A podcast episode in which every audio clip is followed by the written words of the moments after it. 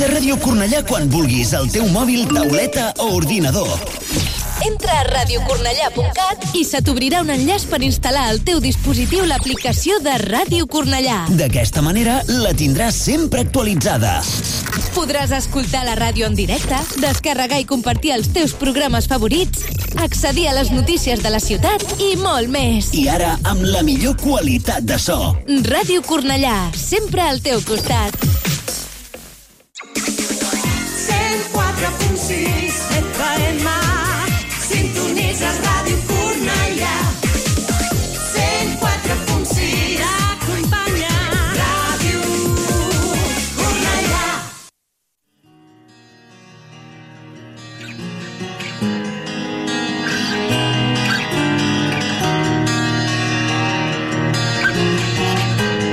En Radio Cornellá comienza el octavo día. Lo mejor Del metal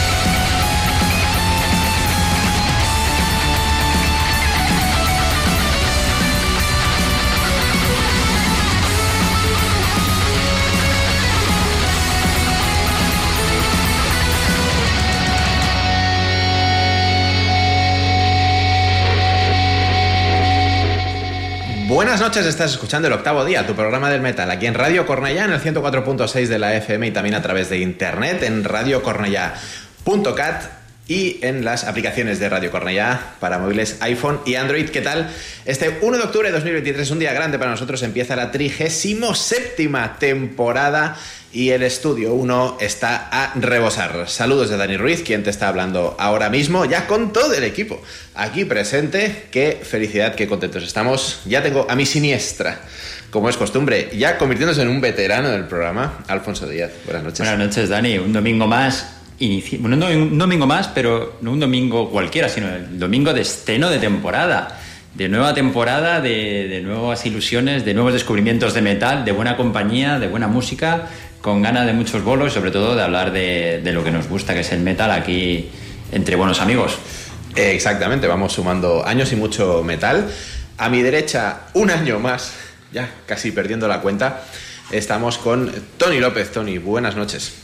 El Matusalem del metal, correcto. Es, eh, un año más, eh, hemos perdido la cuenta, no nos hace falta la cuenta. Estoy escuchando muchísimo eco, no sé por qué. eh, Porque faltan los porque paneles. de faltan los sonido. paneles. esto, Claro.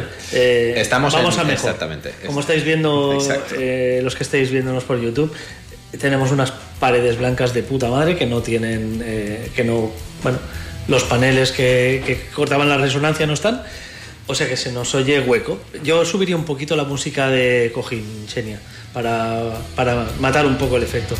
Igual un poco, sí, mejor, mejor. Eh, bueno, pues eso, encantado de estar aquí ya dando por saco ya la- el primer minuto de- del primer programa de la nueva temporada. Un gusto volver a estar y presenta Por supuesto. a la jefa. por En- favor. hacemos un pequeño aparte, Radio Cornella está de reformas enormes y este inicio de temporada nos pilla, pues bueno, con eh, todo un poquito en fase de terminación, pero sin estar al 100%. A los mandos de la nave un año más también ya, veteranísima, cinturón negro del octavo día, Xenia Sanserric, buenas noches. Buenas noches, pues sí, eh, ya veteranísima. Ya es que ya pasó el cupo de 10 años, así que mm, va a Sí, ser sí. que ya veterana. Totalmente. Eh, pues eso, hay mucho eco debido a que faltan los paneles, pero bueno, estamos, eh, como decimos, en directo en Radio Cornaya y también estamos en directo en YouTube, que ya saludamos a Lester, que nos está comentando por ahí, y Mar, que la teníamos aquí la temporada pasada, que nos está diciendo, ¿pero qué paredes tan blancas? Pues sí, la verdad, las parecen, bueno, no es un blanco, bueno, Blanco roto. roto, es, ¿no? sí, Blanco. ¿no? No llega a ser un huevo. No, no llega a ser ese El pantone me lo he dejado en casa. no sé. Pero bueno, aquí estamos de la temporada número 37 ya, eh, aquí en el octavo día. Traemos sorpresas. Traemos Vamos sorpresas. a tener eh, invitados recurrentes. Pero tengo que decir, porque estoy leyendo el chat de Telegram y ahora comentaremos todo eso, lo comentará Xenia, que para los que nos ven en YouTube ya no es sorpresa, porque Eh, evidentemente... estaba haciendo signos de que no pinchas aquí con mi cámara Claro. y va y lo primero que hace es pinchar mi cámara. Bueno, gracias, Para Kiko. llevarte la contraria. Tenemos, por supuesto, en el apartado técnico a Kiko Belinchón, que nos acompaña un domingo más. Siempre, afortunadamente. Pues sí. Y como no es sorpresa para los de YouTube, pero sí para vosotros que estáis escuchándonos por las aplicaciones móviles o por la radio FM habitual, tenemos entre nosotros a un invitado muy especial que me hace especial ilusión presentar y es que nos acompaña Sergi Sánchez. Muy buenas noches. Muy buenas noches, estoy encantado de estar aquí. Me estreno como Un- un miembro más aquí en el octavo día, así que bueno, todo un honor, ¿no? A Sergi lo podéis conocer eh, seguramente por las redes, quienes eh, sigáis a Iron Madness en redes eh, lo, lo conocéis más que de sobra y vamos a intentar meterle el veneno de la radio a ver si conseguimos eh, traerlo hacia, hacia, hacia este otro mundo que dentro de la comunicación, bueno, cambia un poco ¿no? lo que has hecho hasta ahora. Cambia bastante, la verdad, un mundo totalmente nuevo, pero con ganas, con ganas. Bueno, pues eh, como, como somos así de buena gente, vamos a dejarte, por ser el nuevo, que te que arranques, que des arranque al, al programa que ya ha arrancado Xenia con esta Ahí auténtica va. No sin antes decir barbaridad. que hemos arrancado por todo lo alto con el nuevo lanzamiento de Primordial y, y es que los de Dublín vuelven con un nuevo disco que ahora mismo suena como candidatísimo a esos tops del año, que en breve, en nada, en tres meses ya estamos comiéndonos los sesos para hacer esas interminables listas. Y bueno, ¿qué tenemos en el nuevo trabajo de Primordial? Pues lo que nos han llevado haciendo hasta ahora, ese black metal de corte folclórico, sobre todo sus raíces, y en este How Intense lo que reivindican es, eh, digamos, ese cambio de paradigma que está habiendo respecto al tema cultural, lingüístico, de social, etcétera, respecto a esos mitos, a esas leyendas, ¿no? Que parece que con la sociedad actual que va súper, es una vorágine, estemos perdi- perdiendo todo eso. Entonces, bueno, es un disco reivindicativo respecto a eso de qué puede suceder si lo perdemos y nada, estar aquí Un primordial. indicativo de lo bueno que es este disco es que eh, sabéis que tenemos ese chat de Telegram fantástico donde tenemos 88 miembros, si no recuerdo mal, y ahí hablaban, por ejemplo, dos de los grandes fans de Primordial, como son Mark y Jero, hablaban de canciones, cada uno destacaba una canción. Tú has destacado esta, que es también la que sacaron ellos como single. Muy recomendable el videoclip de esta canción, es absolutamente bestial con imágenes de la Primera Guerra Mundial. Y yo que estoy montando, aún no lo he subido por, para no pisarnos el programa de hoy, el top eh, en audio que hacemos en podcast, he cogido otra canción diferente de las que dijeron ellos, de la que hemos puesto aquí. Es decir, es un disco que no tiene desperdicio, que lo cojas por donde lo cojas son temazos y además que crece mucho y que creo que va a ser, eh, como tú dices, un candidato a final de año a, ocupar listas. Yo personalmente, yo personalmente es un disco que no he tenido todavía ocasión de darle todo lo que me gustaría. Sabemos que los discos de Primordial están llenos de matices, que hay que cocinarlos a fuego muy muy lento. Pero realmente se me están poniendo los dientes largos escuchando lo que decís y lo que se ha dicho en el grupo de Telegram. Pero sí que me llama la atención que el disco oficialmente eh, se ponía a la venta el pasado viernes y no hay en formato físico. Pues sí, pues no lo sé. Deja que. Te digo porque estoy mirando Debería, en, debería. en Metal Archives y veo que digital. Déjame que mire los pre-orders No, que tengo a ver si sale por aquí. Ah, Digo, sí, porque sí, ahí, me ahí extraña que Metal una Blade. banda del calibre de, Primordial, Blade. cinco años Claro. hace que nos acabaron un disco. Es Metal Blade, tiene Es que Metal, ser. sí, Metal Blade, Blade, sí, el sello está, pero ahí tenemos que el formato de momento es digital. Bueno, el Metal Archives hay que, que fiarse Sí, sí, como de la Wikipedia. Últimamente, sí, sí. Mira, eh, doble vinilo chulísimo además. Y yo estoy entrando en la web de Metal Blade. Sí, sí, hay un doble vinilo. Hostia, este doble vinilo me lo compro ya. Qué buena pinta. Esto, Alphonse, es. Sí, sí, sí. eh, o sea, muy barato. Pues ahí lo tendréis en vinilo también. 29 euros en EMP. vinilo doble. Ale, ah, pues va a caer, Vamos a eh. empezar y a comprar. Qué chulo. Va a caer este. Quería decir que los veteranos del octavo día se lo imaginarán.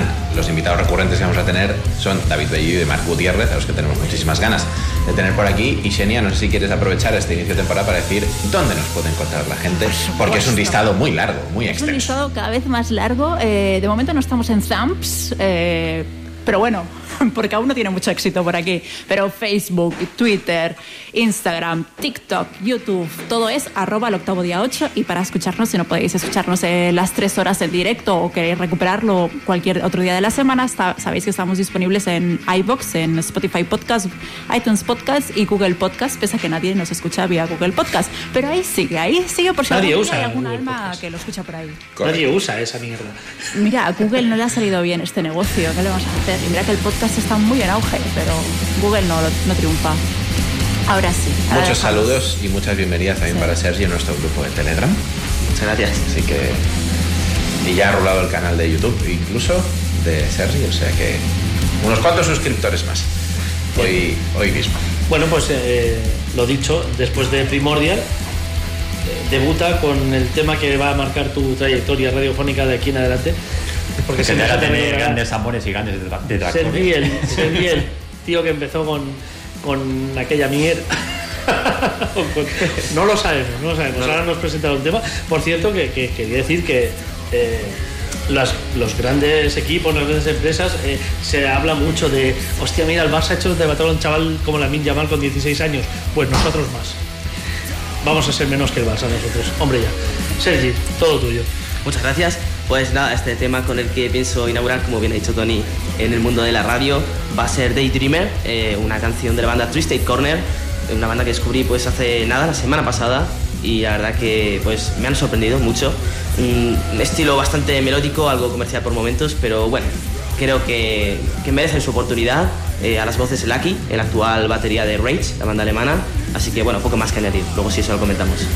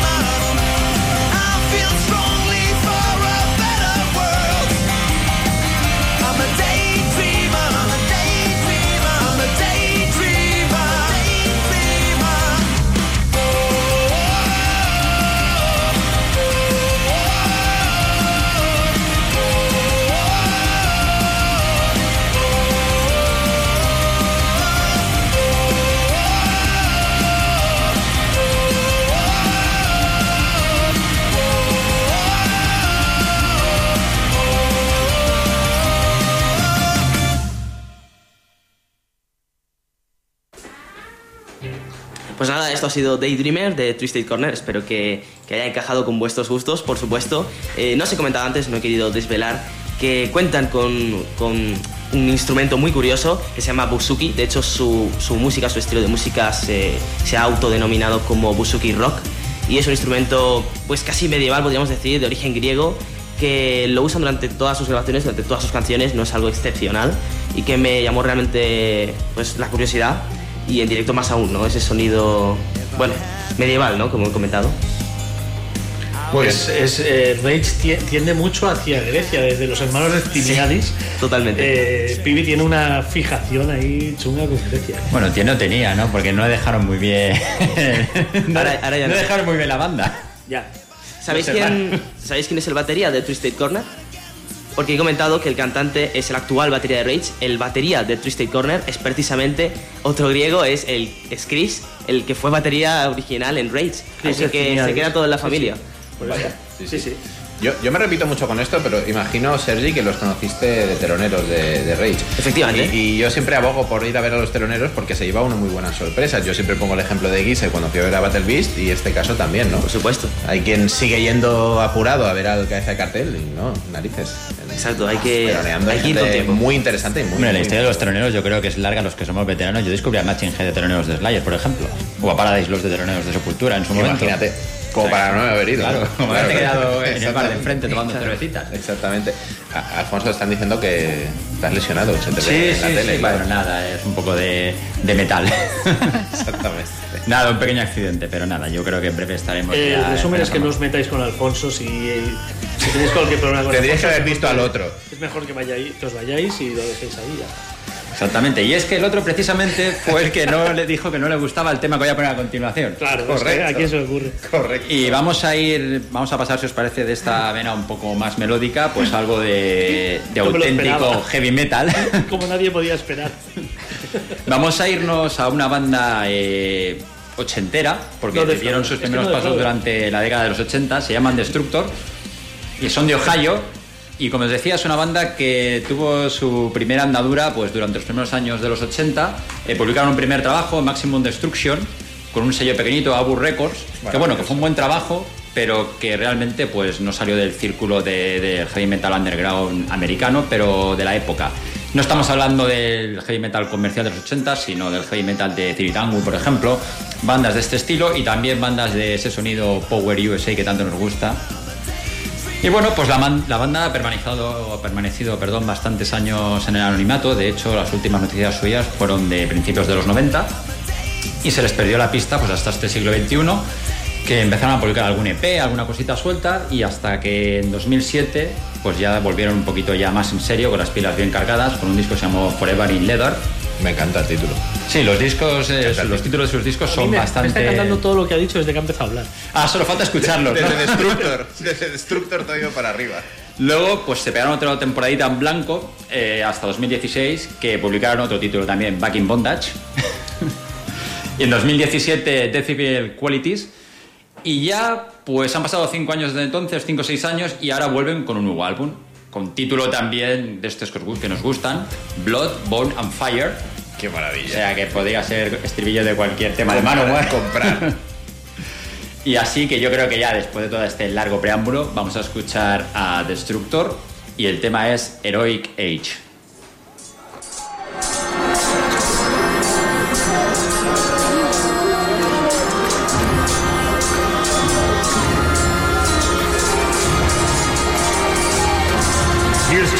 Ancient stories of when men and women fought bravely together through triumph, agony, and peril, harkening back stories of the heroic age. Heroic age!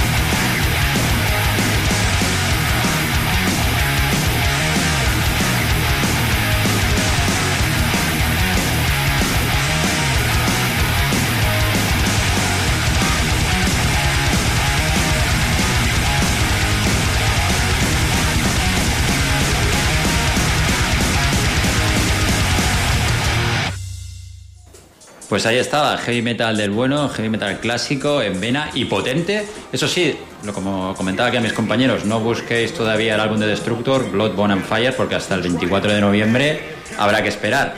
Este ha sido un anticipo. Yo creo que está muy, muy a las claras de que va esta gente. Como decía, es una banda veterana, evidentemente, no está la formación original. Solo quedan de esos primeros, de esa primera encarnación, el guitarrista y vocalista, ojo al, al nombre, Dave Overkill. Lo tiene todo, lo tiene todo. y el batería Matthew Maywell. Maravilloso. Comprar. Inmediatamente. Qué, qué- qué fantasía, por favor. Me ha encantado el tema. ¿eh? Estás an- adelantando tu top de noviembre.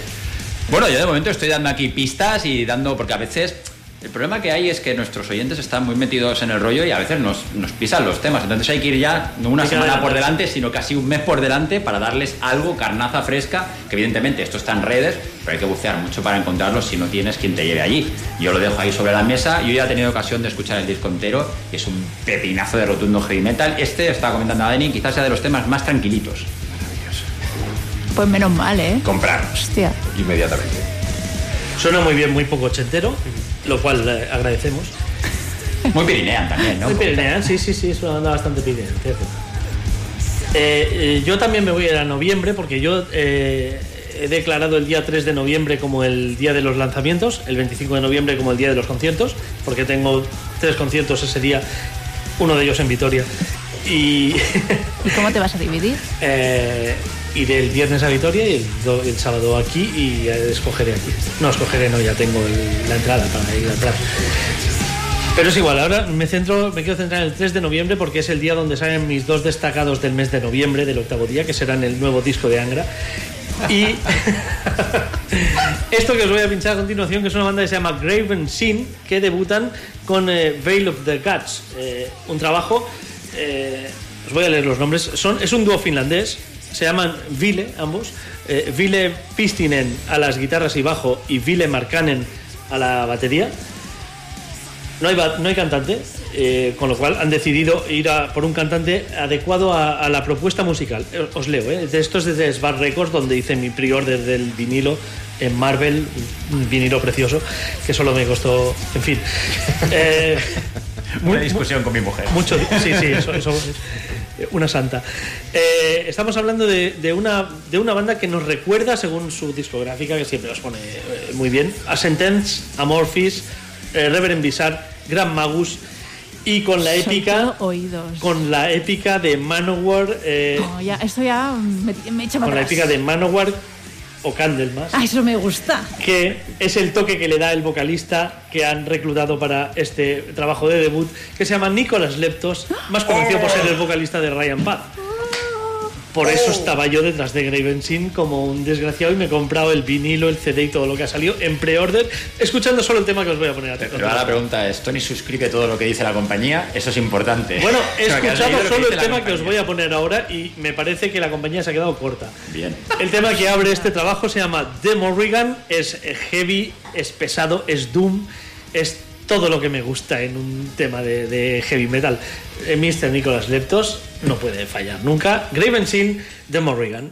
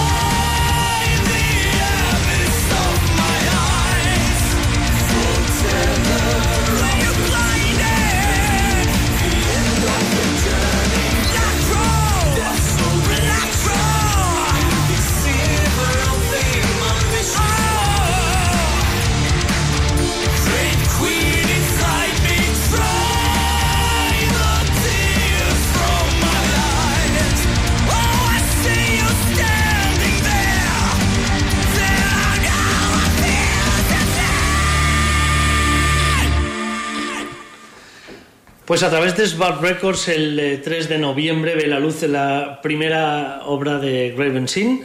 Eh, a mí esta canción la he escuchado como 300 veces desde que salió y, bueno, ya sabía con Nicolás de voy a, tiro fijo, pero, pero es que me, gusta todo, todo. Conceptualmente me gusta todo de esta canción. Eh, eh, el sonido, eh, la atmósfera que crean, la voz, eh, realmente eh, bastante, o sea, la voz te lleva hacia Candlemas muchas veces, muy en la línea de Messiah Marcolin o, o ese tipo de voces. La épica muchas veces, la base rítmica te lleva a esos Manowar que decíamos también en las canciones más épicas de los primeros Manowar. Y bueno, vamos a ver el disco en conjunto porque esta canción adelanto me parece una, a mí personalmente me parece una locura. Yo comentaba antes que Tony había enumerado los parabienes que la compañía decía de la banda.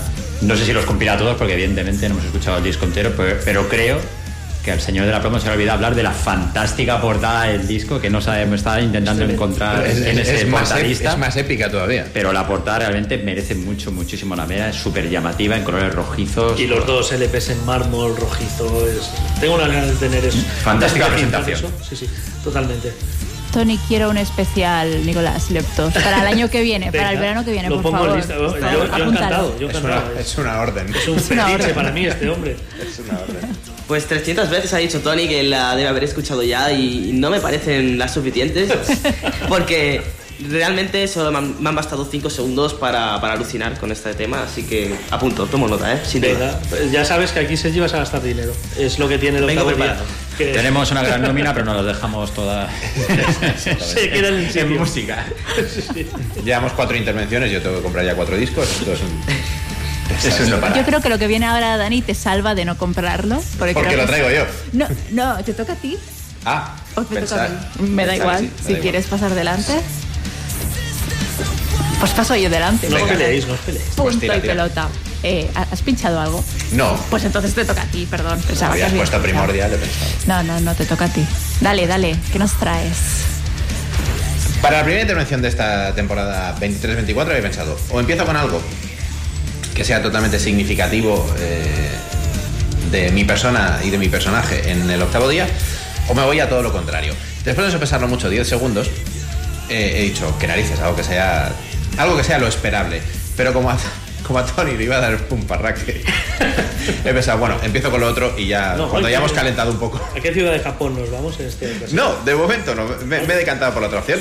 Me voy a Alemania. En esta ocasión con una banda que tiene una trayectoria bastante interesante, pero que yo he descubierto ahora. Una banda de Freiburg im Bergixau o algo así. Friburgo. Entiendo que es Friburgo. Tampoco sabría ubicarla en, en un mapa. Hago una pequeña trampa. Los he puesto en mi top de septiembre, pero es un EP. Es un EP de cuatro temas. Esto lo hemos hablado mucho con Tony. Es un EP, da igual, dura más de 40 minutos. Es decir, pequeña trampa, pero es que es trampa al fin y al cabo. Sí. Sí, sí, pero lo hemos hecho más de una vez. Sí, sí. Con Galnerios sin más. Te decir, Dani, que muchos de los discos que yo escucho duran la mitad. Claro, claro, por eso, por eso. Y tienen 65 temas. Por eso digo. Eh, seguramente haya gente en nuestro grupo de Telegram que ya los conozca, los alemanes Finsterforst, una banda que se define como de metal viking epic, épico vikingo, pero que nadie se asuste, no vamos a encontrar mandolinas ni eh, violines, ni lo que os estáis esperando del metal épico vikingo, sino un disco muchísimo más íntimo, muchísimo más atmosférico, una delicia de cuatro temas para un total de 40 minutos, que son libertad, dualidad, reflexión y catarsis, es decir, hablamos de cosas realmente eh, tochas, cosas realmente profundas. De esos discos de sentarte tranquilamente, cerrar los ojos y degustar, me ha parecido bestial, como además yo no conocía la banda, mi sorpresa ha sido mayúscula, ha sido maravilloso. En mi top de septiembre, lo nuevo de Finters Force.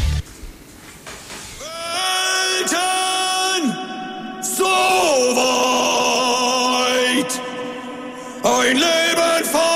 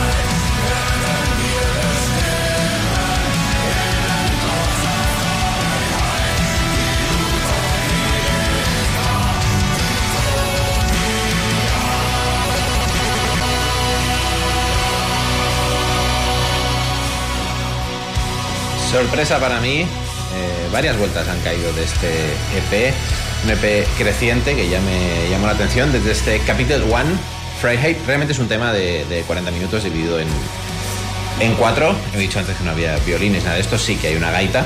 Eh, comentarios positivos en el grupo Telegram. Me consta que es un EP que está teniendo muy buena acogida, aunque, aunque de los presentes no estén de acuerdo. Pero reconozco que este Gen De 6... acuerdo yo, Dani. Y no, Xenia tampoco. No, no, yo te he dicho claro. que cuando me pasaste el extracto para el montaje del vídeo del top del mes, no me gustó sobre todo la voz. Pero Porque la parte del medio de esta canción es mm, difícil. Exacto, pero el inicio y el final me han parecido correctos. Agri. Y me han hecho querer escuchar el disco. Así que no está Yo en este perdido. caso no, no le pongo pegas, aunque sea un estilo en el que no estoy tanto, no me paro tanto, pero me ha parecido un descubrimiento fantástico. Sabéis que este inicio es en plan, vale, Guardruna, vamos a por Guardruna, Heilung y todo esto. Un Aunque vikingo luego- subido a un dracar gritándole al viento, sí, sí. tal cual. Tal cual, tal cual. Dracaris, también, Exacto, escuela en exacto. Dracaris. Ahí está.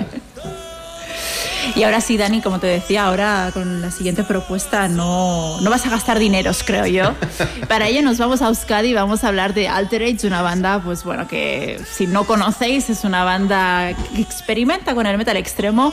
Podríamos decir que tienen influencias de Portal, de Ulcerate, incluso a veces de Godflesh.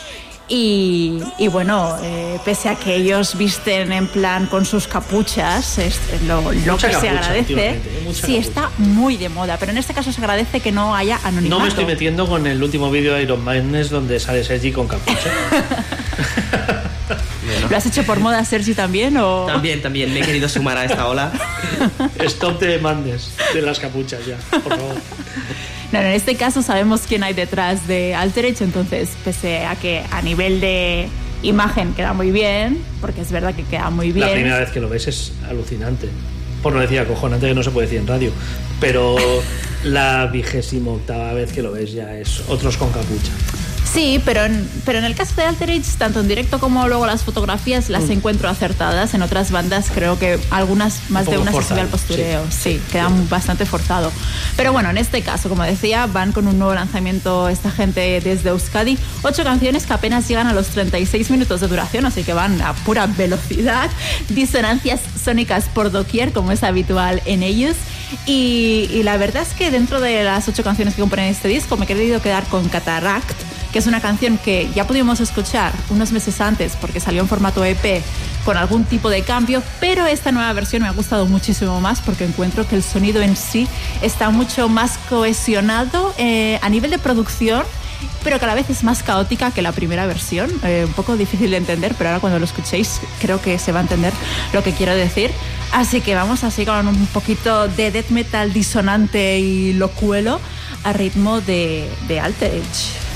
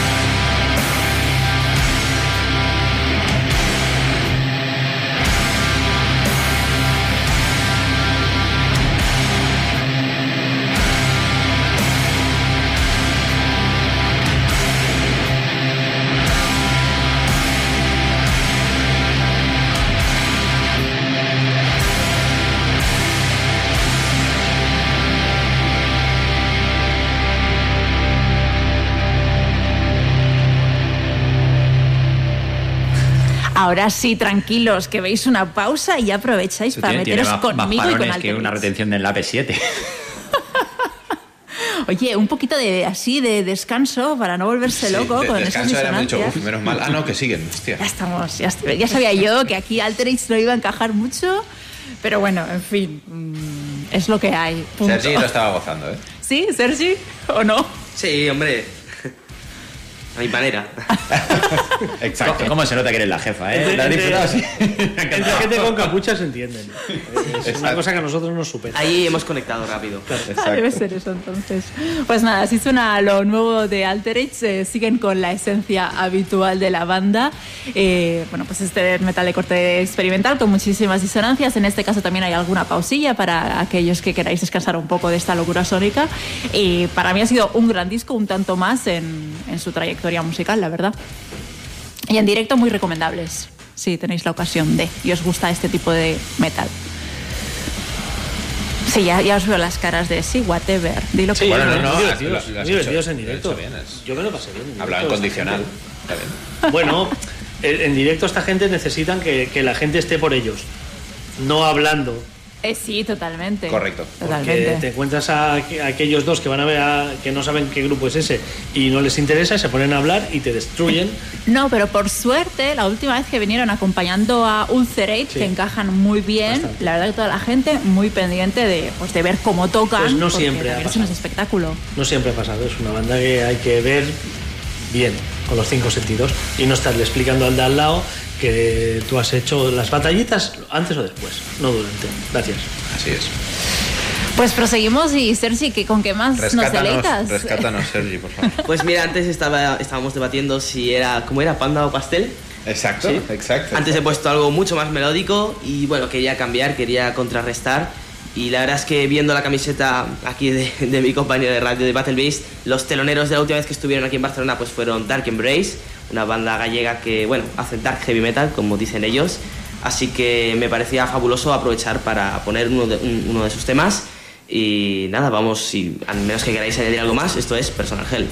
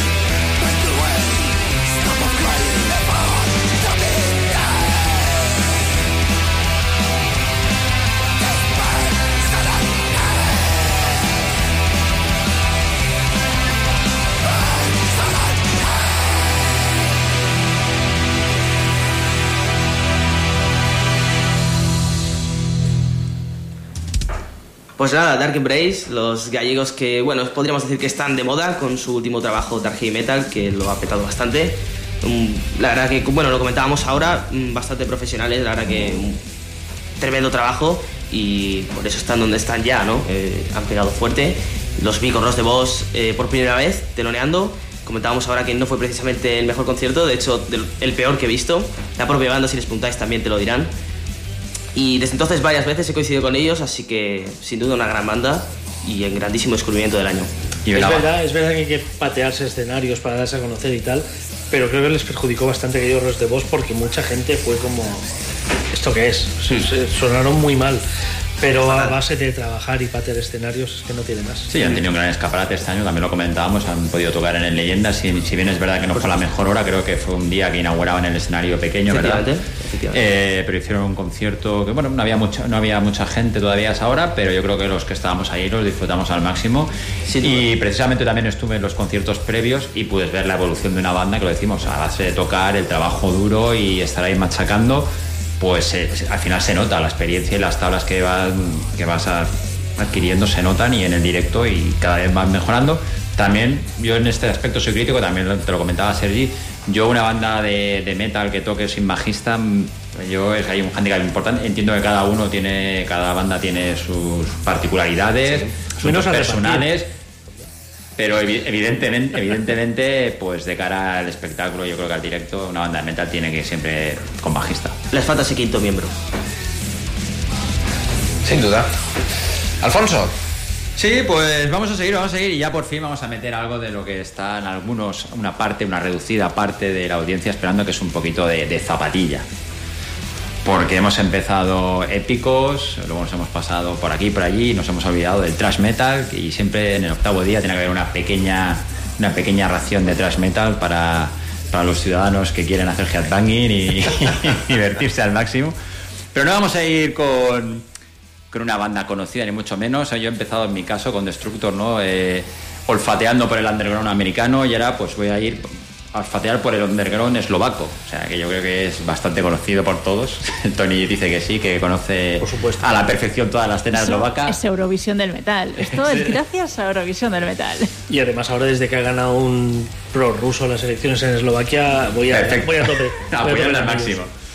Pues vamos a ir con, con una banda que se llama Acid Force. Acid Force, perdón. Maravilla. Dani, maravilla con los nombres de, de las propuestas que traigo esta noche. Bueno, pues es, es una formación que basta, os invito a que cuando escuchéis el tema busquéis el vídeo en YouTube y ya veréis de qué van. O sea, las pintas son impagables. Estamos hablando de, de trash metal ochentero, desfile de camisetas de Metallica de la buena época, de Megadeth, de Slayer. O sea, que ya con eso yo creo que ya sabéis por dónde van a ir los tiros. Me encanta la puntualización de Metallica de la buena época. Sí, por supuesto. no hay ninguna del Loat.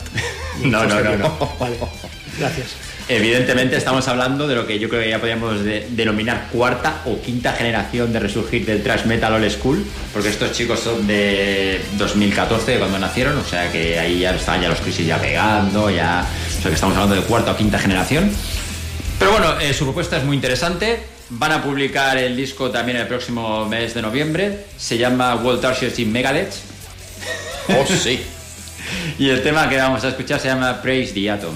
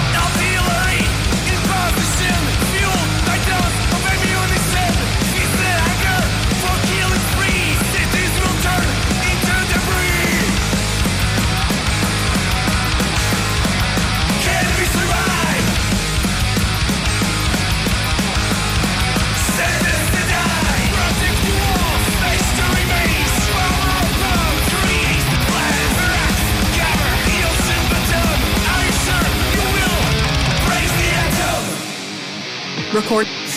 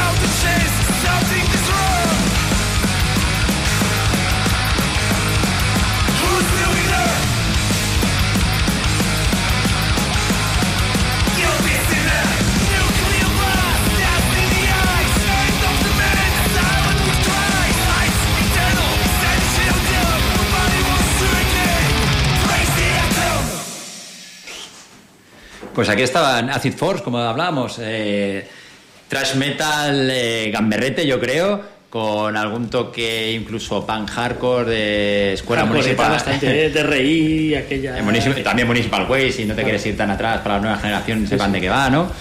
Pero bueno, a mí me parece que es una propuesta muy divertida, muy gamberra, ideal para esos circle pits eh, frente al escenario. Y tanto. y tienen pinta de ser gente muy, muy leñera. Sin duda, la verdad que sin duda. Eh, iba a comentar que, bueno, por supuesto hemos visto que tampoco inventar nada nuevo, pues no, por inventar nada nuevo, no. pero eh, sin duda un sonido pues que, que llama la atención, como tú has dicho, pues para que se cree ahí un buen mosh pit, que, que también de vez en cuando hace falta, ¿no? Para alegrar un poco el cuerpo. Y esa voz que me ha recordado, bueno, como tú has dicho, ¿no? Antes has comentado que ese thrash ochentero, más clásico, eh, con- pero bueno, me, me ha llegado un poco las, las vibras como, como habíamos comentado ya también. Eh, el estilo de Rey, un poco Venom, la voz a veces, no al 100%, por supuesto, pero bueno, ese rollo... Sí, ese así más poncarra que decíamos, Exacto, más gamberro. raro, más sucio. Sí, que, que, bueno, a mí personalmente me ha llegado. Sí, yo no creo, tampoco creo que tengan intención de, de inventar nada esta gente. Yo creo que es Ni falta que hace. Ni falta que hace. No, no es fácil que el mecanismo de un reloj, pero pasárselo bien, divertirse, temas con pegada, con buenos estribillos y lo que hablamos, fiesta, diversión y cervecita por la noche y venga a correr. Un poco lo que decías, y, y le doy un poco el publi al vídeo que eh, ha montado Xenia sobre el top de septiembre y que está ya, lo podéis ver en YouTube también, eh, lo que comentas tú mismo sobre Phil Campbell and the Bastard siendo un estilo muy diferente, pero canciones fáciles, directas Sí, y sí. ir a divertirse. Y es un poco la filosofía. Pero que realmente, eh, si tú eres muy fan de una banda, pues vas a disfrutarlo. Pero yo creo que lo que hablábamos ahora de, de bandas así, o lo que hablaba de Phil Campbell, incluso el que no sea muy fan, va allí y se lo pasa bien, porque son temas que te entran a la primera. Cuando se escucha estás coreando el estribillo sin darte cuenta. Y son bandas con mucha actitud y temas pegadizos. Y eso yo creo que en directo es, son, son armas que... Y tiene que haber tiempo para todo. Te puedes ir a ver a, a King Crimson un día y. eh, Claro, tiene que haber de todo, evidentemente. Esta banda, otro. Eh, se puede disfrutar la música en múltiples facetas, que es lo que intentamos decir. Y, y no pasemos por alto de que por primera vez en la historia del octavo día se ha dicho vibras, lo cual ya denota el Bueno, rejuve- estamos- rejuvenecimiento del estamos- programa. Estamos.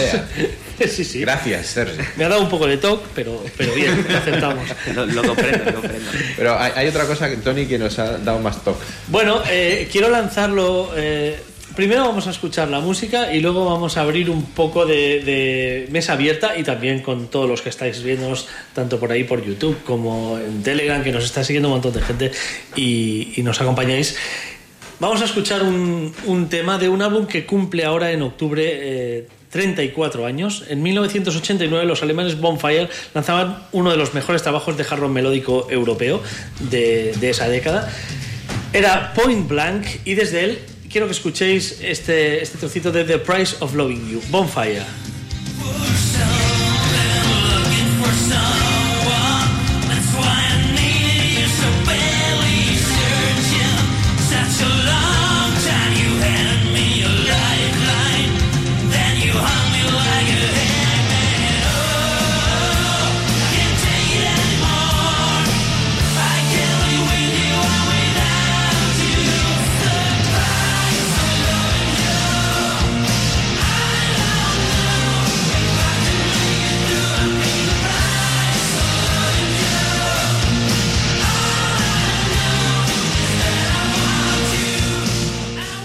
Esta es la versión original. Hace 34 años, como os decía, se editaba de Point, Point Blank, eh, un disco mítico e imprescindible en la historia tanto del hard rock europeo eh, como el específicamente alemán y como Bonfire, que sin duda es uno de sus grandes discos. Han tenido la genial idea, unos Bonfire de los cuales solamente queda un miembro original, de regrabarlos. No de cogerlos, remezclarlos, remasterizarlos y volverlos a editar, sino de regrabarlos.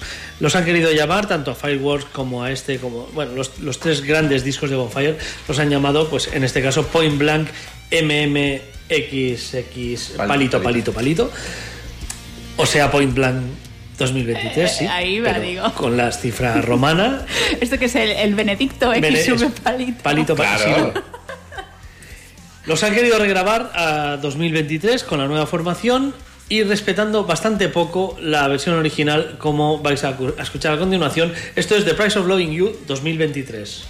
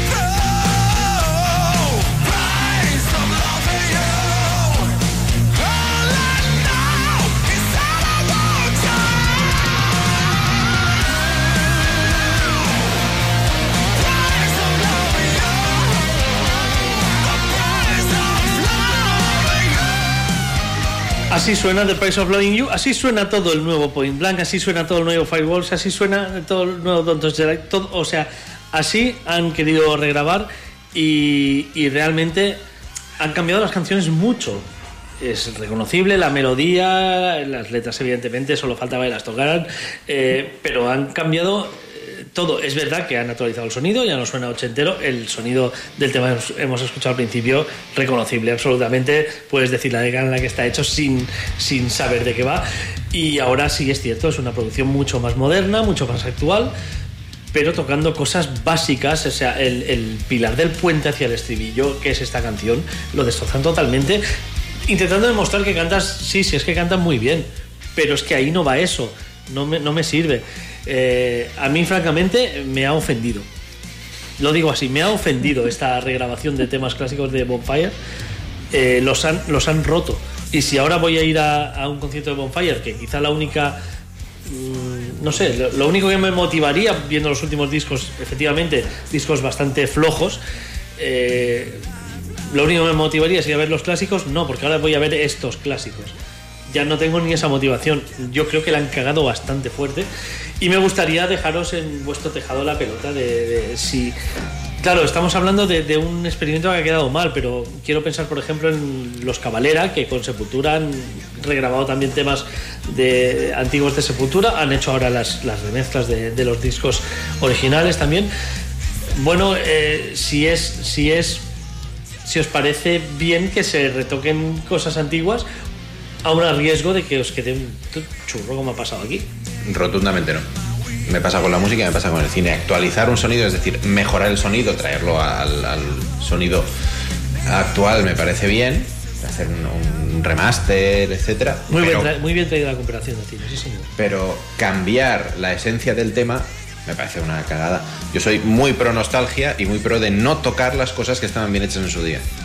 Así que yo, por mí, rotundamente no. Quizá, y además, aprovechando tenemos aquí a la cantera, eh, claro, tú en- no sé si conocías los discos de Bonfire originalmente, pero no los viviste en su momento. Evidentemente no. No marcaron tu adolescencia como la hicieron con mucha otra gente. Ajá. Y, a- y, claro, no sé cómo has recibido tú eh, estas nuevas versiones. A ver, yo partiendo de que mm, sí que me parece una muy buena idea el- todo lo de regrabar, eh, más que remasterizar, al final es una muy buena iniciativa. Se consigue un sonido más actualizado, más, bueno, más actual, contundente, que eso está claro que sí que se ha conseguido. Eh, en ese punto bien, en ese aspecto bien, pero claro, eh, modificar los temas te salga bien o te salga peor, como es en este caso, no me parece no me parece adecuado. No sería, no sería lo que yo haría, evidentemente. Eh, aún así, he de decir que en lo personal sí que agradezco mucho esta, esta regrabación de, míticos álbums porque ese sonido no tan ochentero, pese a que evidentemente eh, se agradece y, mola, ¿no? Por, por decirlo así, eh, escuchar ese sonido ochentero, esas canciones con sonido original está muy bien, pero para mí escuchar este sonido más actual eh, se me hace más llevadero y no digo que el otro esté mal, pero, pero concuerda más con lo que vivo hoy en día y con los discos que están saliendo ya a día de hoy, ¿no? Vienes a confirmar lo que ya sabíamos, que somos unos boomers de mierda y que nos quejamos de cosas de boomers de mierda. es así, pues estaba hablando serio, yo pensaba, pues yo no quiero que suene más actual. Yo quiero que suene como suena. Claro. Seguramente esto te lo preguntaré cuando yo sea un oyente de 70 años del octavo día y tú dirijas este programa. Te llamaré y te diré, el disco este que acaban de regrabar que salió en 2020 y que tú escuchaste cuando salió y que ahora han regrabado en 2050, ¿qué te parece? Y dirás, es una mierda, Claro. mola más, es de 2020. No, no lo dudo, no Claro, lo dudo. es- El clásico de 2020, ¿no?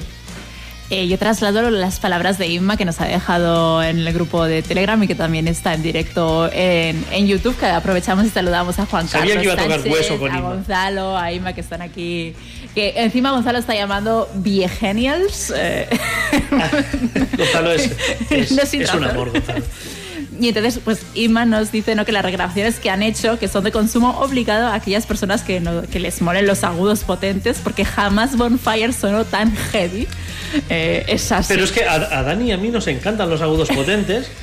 Pero no, reconocemos que este tío los hace muy Sí, bien, sí, sí. pero es que no, no pintan en una canción que ya era de otra manera. Pues utilizad el hashtag que ha creado Inma de ofendidos por la, gra- la grabación de Bonfire para llenarlo en Pues redes así sociales será, así será. y que se enteren los Bonfire.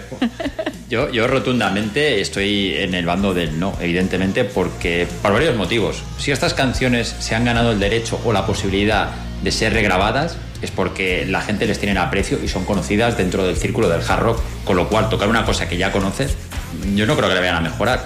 Lo otro es retocarlo, es el sonido, bueno, tócalas en directo como quieras. Pero no toques los temas como la gente los conoce, como se han convertido. Hablamos otro día del término clásico. No sé si hablando de Bonfire sería quizá. Yo creo que sí. Totalmente. Sería un término, ¿vale? Pero son unos discos que están ahí hace 30, casi 40 años, no creo que se, hay motivos para tocarlos. Y luego donde me gustaría ir, que quizás es, nos perdemos un poco en, en la tertulia del bar y nos, y nos entra la vena romántica, pero ¿por qué son estas, grava- estas regrabaciones? Porque quizás es, es un problema de derechos que volviendo a grabar, eh, ahora todos los derechos, seguramente el nombre está eh, a cargo de una persona que sea el que se va a llevar todos los réditos de estas regrabaciones. Como ha hecho Taylor Swift con sí, sus discos. sí, pero, pero eh, esto No, no. mismo lo puedes hacer respetando la- las versiones originales o puedes... Sí, pero igual ya puedes tocar en crédito, a lo mejor los créditos diciendo que has cambiado esto, has cambiado lo otro, y cuál los royalties ya son diferentes. Bueno, no creo, no están tan cambiadas como para poder decir que Bueno, las- pero hay, hay partes, no sé, Sí, habría pero- que ver técnicamente, no sé. el porcentaje, entiendo- el porcentaje, desde luego. En el momento que tú reconoces una canción, esto va por porcentajes y demás. Pero si hablando sencillamente y llanamente, en el momento que tú reconoces la canción, y más bastante reconocible además, no es que reconozcas el estribillo o una frase. Sí, pero hay, hay en, el, en el derecho en cuanto a los, a los créditos. eh, cuando pasa un cierto un X años, cada país tiene su legislación, revierten sobre ti, sobre el autor. Si tú los vuelves a grabar, igual puedes decir que es una obra nueva, ¿sabes lo que te quiero decir? Sí, sí, sí. Hay un tiempo de explotación de la obra. Se- pero son 75 años. 75, cada país tiene su legislación, no lo sé. Eh, Europa son 75 años, lo veo por el tema de- en el trabajo, lo veo, lo tengo controlado. Entonces son 75 años y luego los herederos, que pueden renovar los 75 años más, si no ya luego pasa a disposición pública. Son Obra abierta. 150 el, el- ¿no? El- Eh, depende si, si ye- eh, se hereda, si tú lo dejas en herencia a quien sea. Yo lamentablemente creo que detrás de, de- más que un evidentemente es un regalo a los fans para los que pero creo que detrás de hay un móvil económico dentro del mundo económico que se puede mover Boomfire evidentemente que no es de grandes presupuestos ni de grandes cantidades de dinero pero creo que aquí hay negocio Pero y habría que preguntar a, a los actuales managers de la Te banda niego la mayor. Yo creo que no es un regalo a los fans. Los fans Bueno, es una patada. Es, es un regalo a los nuevos fans. Es, es seguramente incorporar a gente que no estaba en el radar de una banda tan añeja, que no había hecho un disco bueno desde hace 30 años, y decirles, bueno, pues ya que no somos capaces de componer un disco nuevo, bueno, que os llame la atención, vamos a coger las canciones que sí llamaron la atención en su día y presentársela a los nuevos fans. es que también subyace el que pueda, lo que puede ser es una falta de ideas para componer buenos temas O Es que ese es el problema, porque si es por porque el como fallan- sonido puedes llevar este mismo sonido a nuevas composiciones Fíjate que siempre ha pasado y históricamente en los eh, hace 20 años eh, nos pasó una cosa similar que las bandas de power metal que empezaban de capa caída hacia los años 10 o por ahí eh, empezaron a regrabar que si Land of the Free parte 2, que si Symphony of the Candlelight parte 2, empezábamos a ver Sí, la, parte época- 2. la época de Santuari, de Santuari Music. Correcto. Que todos eran segundas Exacto, partes. Todo era segunda parte. Y seguramente viene por la falta de ideas. Todo, todas esas partes dos, bueno, todas no, es cierto que todas, ¿no? Porque he dicho Symphony, Symphony venía después de Power of the Dragonflame, que es un pelotazo. Pero muchas de esa parte dos venía detrás de un disco falto de ideas de la banda.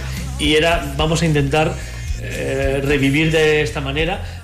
Pero bueno, en aquel caso tiraban de un nombre clásico, igual hacían una segunda parte de una canción clásica, pero no regrababan el disco en forma totalmente distinta.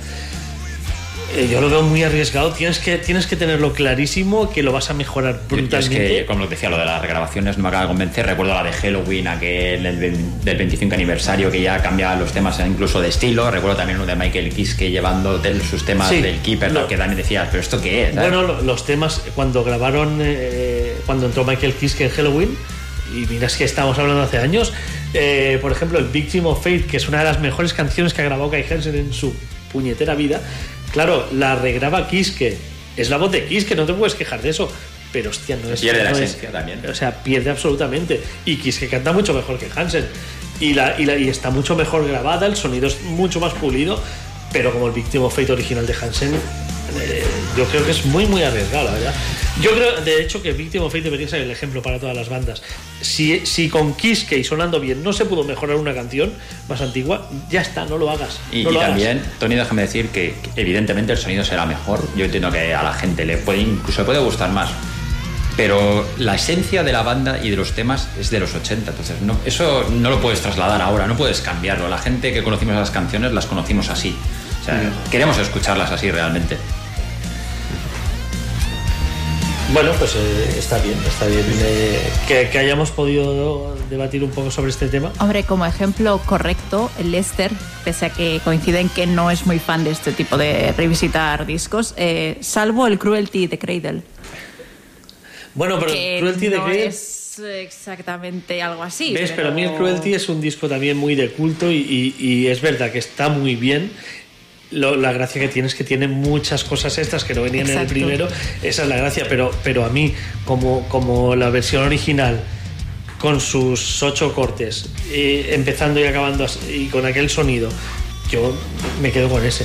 Y es cierto que, que es un acierto bestial la regrabación que fue 2016, si no recuerdo mal. es O, un poco antes, quizá, no sé. bueno, es, es, es un disco que realmente tenía cosas, bueno, eh, brutales, brutales, es cierto. Es verdad que a veces se puede hacer bien, pero claro, tú recuerdas aquel solo de aquella manera, tú recuerdas aquel puente al estribillo de aquella manera.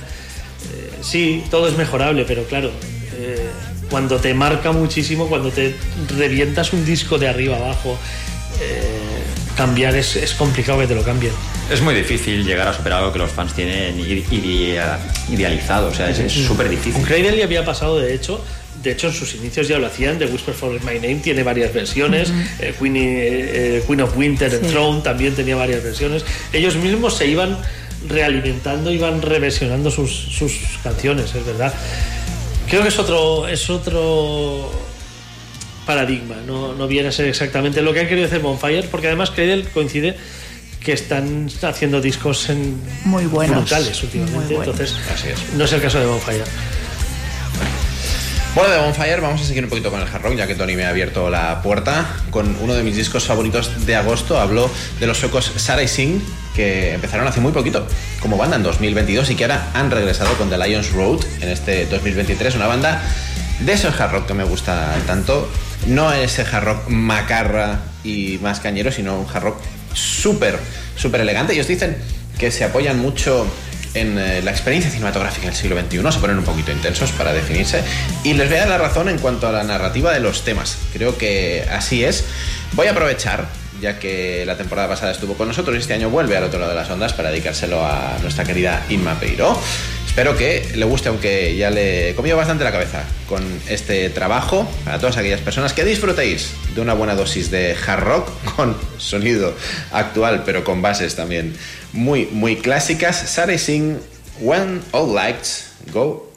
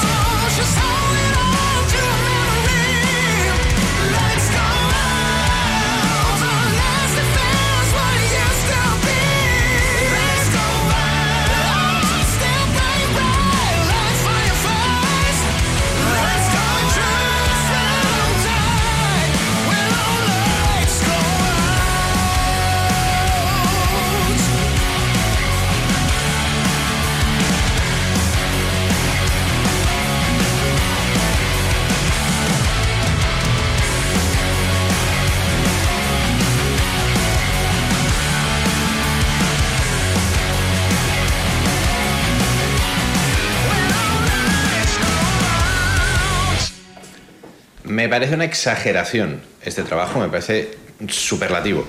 Uno de los que va a estar muy arriba en mi lista de 2023, sin duda un trabajo súper equilibrado porque tiene mucha melodía, pero no está exento de fuerza y tiene una narrativa fabulosa en los 10 temas. Además acaba con Throne of Gold parte 2, que, es, en fin, uno de los temas del año seguro. Peter Lundin, Daniel Likelev, Jesper Linder y capitaneados por la portentosa voz de Stefan Nyquist. Si os eh, gusta el hard rock, este es uno de los trabajos que tenéis que pinchar eh, en este 2023. Sin duda, The Lions Road es una continuación, es el álbum Sophomore de Sarah Singh, que, en fin, han dado en el clavo totalmente. Cada mes de agosto nos sale alguna pieza desde Suecia de hard rock Así es. tremendísimo últimamente. Así es, así es. ¿Cuándo nos sale algo bueno desde Suecia? es la pregunta del millón. Malditos suecos. ¿Seguiremos esta temporada con la sección Malditos Suecos? Siempre, bueno, siempre hay suecos. Ya Es lo siempre suecos. Estaba montando lo, de, lo del top 10 de este mes y tal y pensaba, no habrá suecos, Tombstone. Siempre hay suecos. Correcto. Siempre alguno se deja caer. Siempre ¿no? cuela un sueco. O sea, lo difícil es hacer un top sin suecos. Es complicado. Es muy complicado. Sí, sí. Y ahora, clasicazo. Bueno, clasicazo. Esto ya hablamos en el programa piloto de esta temporada, por decirlo de alguna forma, que está ahí colgado en Evox, por si alguien quiere escucharlo, de lo que era para cada uno de nosotros el, el concepto y el término clásico. Yo esta vez pues me he tirado un poquito a la piscina y he optado por una banda que para mí sí que lo considero una banda clásica y el tema que voy a poner es también lo considero uno de sus temas por lo menos insignia de lo que es esta banda que vamos, que vamos a hablar a continuación. También quiero advertir que no me he ido a lo fácil, hubiera sido muy fácil meter un tema clásico de Scorpions, de ACC, de Maiden, de Metallica y no. Y me voy a ir a una banda que hace pues 10 años que dejó de existir.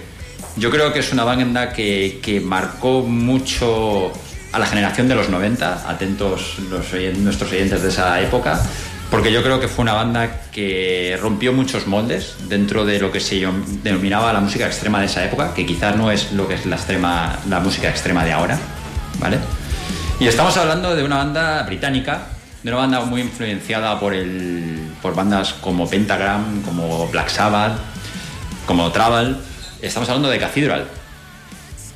Eh, pues es una banda que se formó a finales de los 80, principios de los 90, con el vocalista Lee Dorrian, que venía de Nepal Dead y que salió de allí un tanto desencantado pues porque veía que Nepal Dead cada vez iba más hacia, hacia derroteros punks de la época y él estaba pues más por el rollo de los pantalones de campana, por fumar hierba, por ralentizar la música, por tocar lento, por eh, perderse en esos riffs súper largos. Claro, y lo que decía antes de que creo que cambió la música extrema, si, recordáis muchos de vosotros, pues a esta gente se le ponía cerca de bandas como Entombed, en el sentido de que era del sello Arache, eh, con Entombed, con Godflesh, pues con Thrower incluso. No tenían nada que ver realmente estilísticamente, pero estaban ahí metidos en lo que se denominaba por entonces la música dura. Pues bien, yo me voy a ir a su segundo trabajo, que para mí es el mejor, Entiendo que hay gente que, no comulgará conmigo, pero para mí The Eternal Myro siempre fue un disco muy especial. Un disco que creo que ha marcado, como decía, a muchos músicos, porque creo que de aquí han salido muchas bandas de Doom, de Sludge, han, han, picoteado de aquí, se han dejado influir por este sonido. Y para mí uno de los temas que siempre me gustó, siempre me encantó, siempre me dio muy buen rollo, es Midnight Mountain.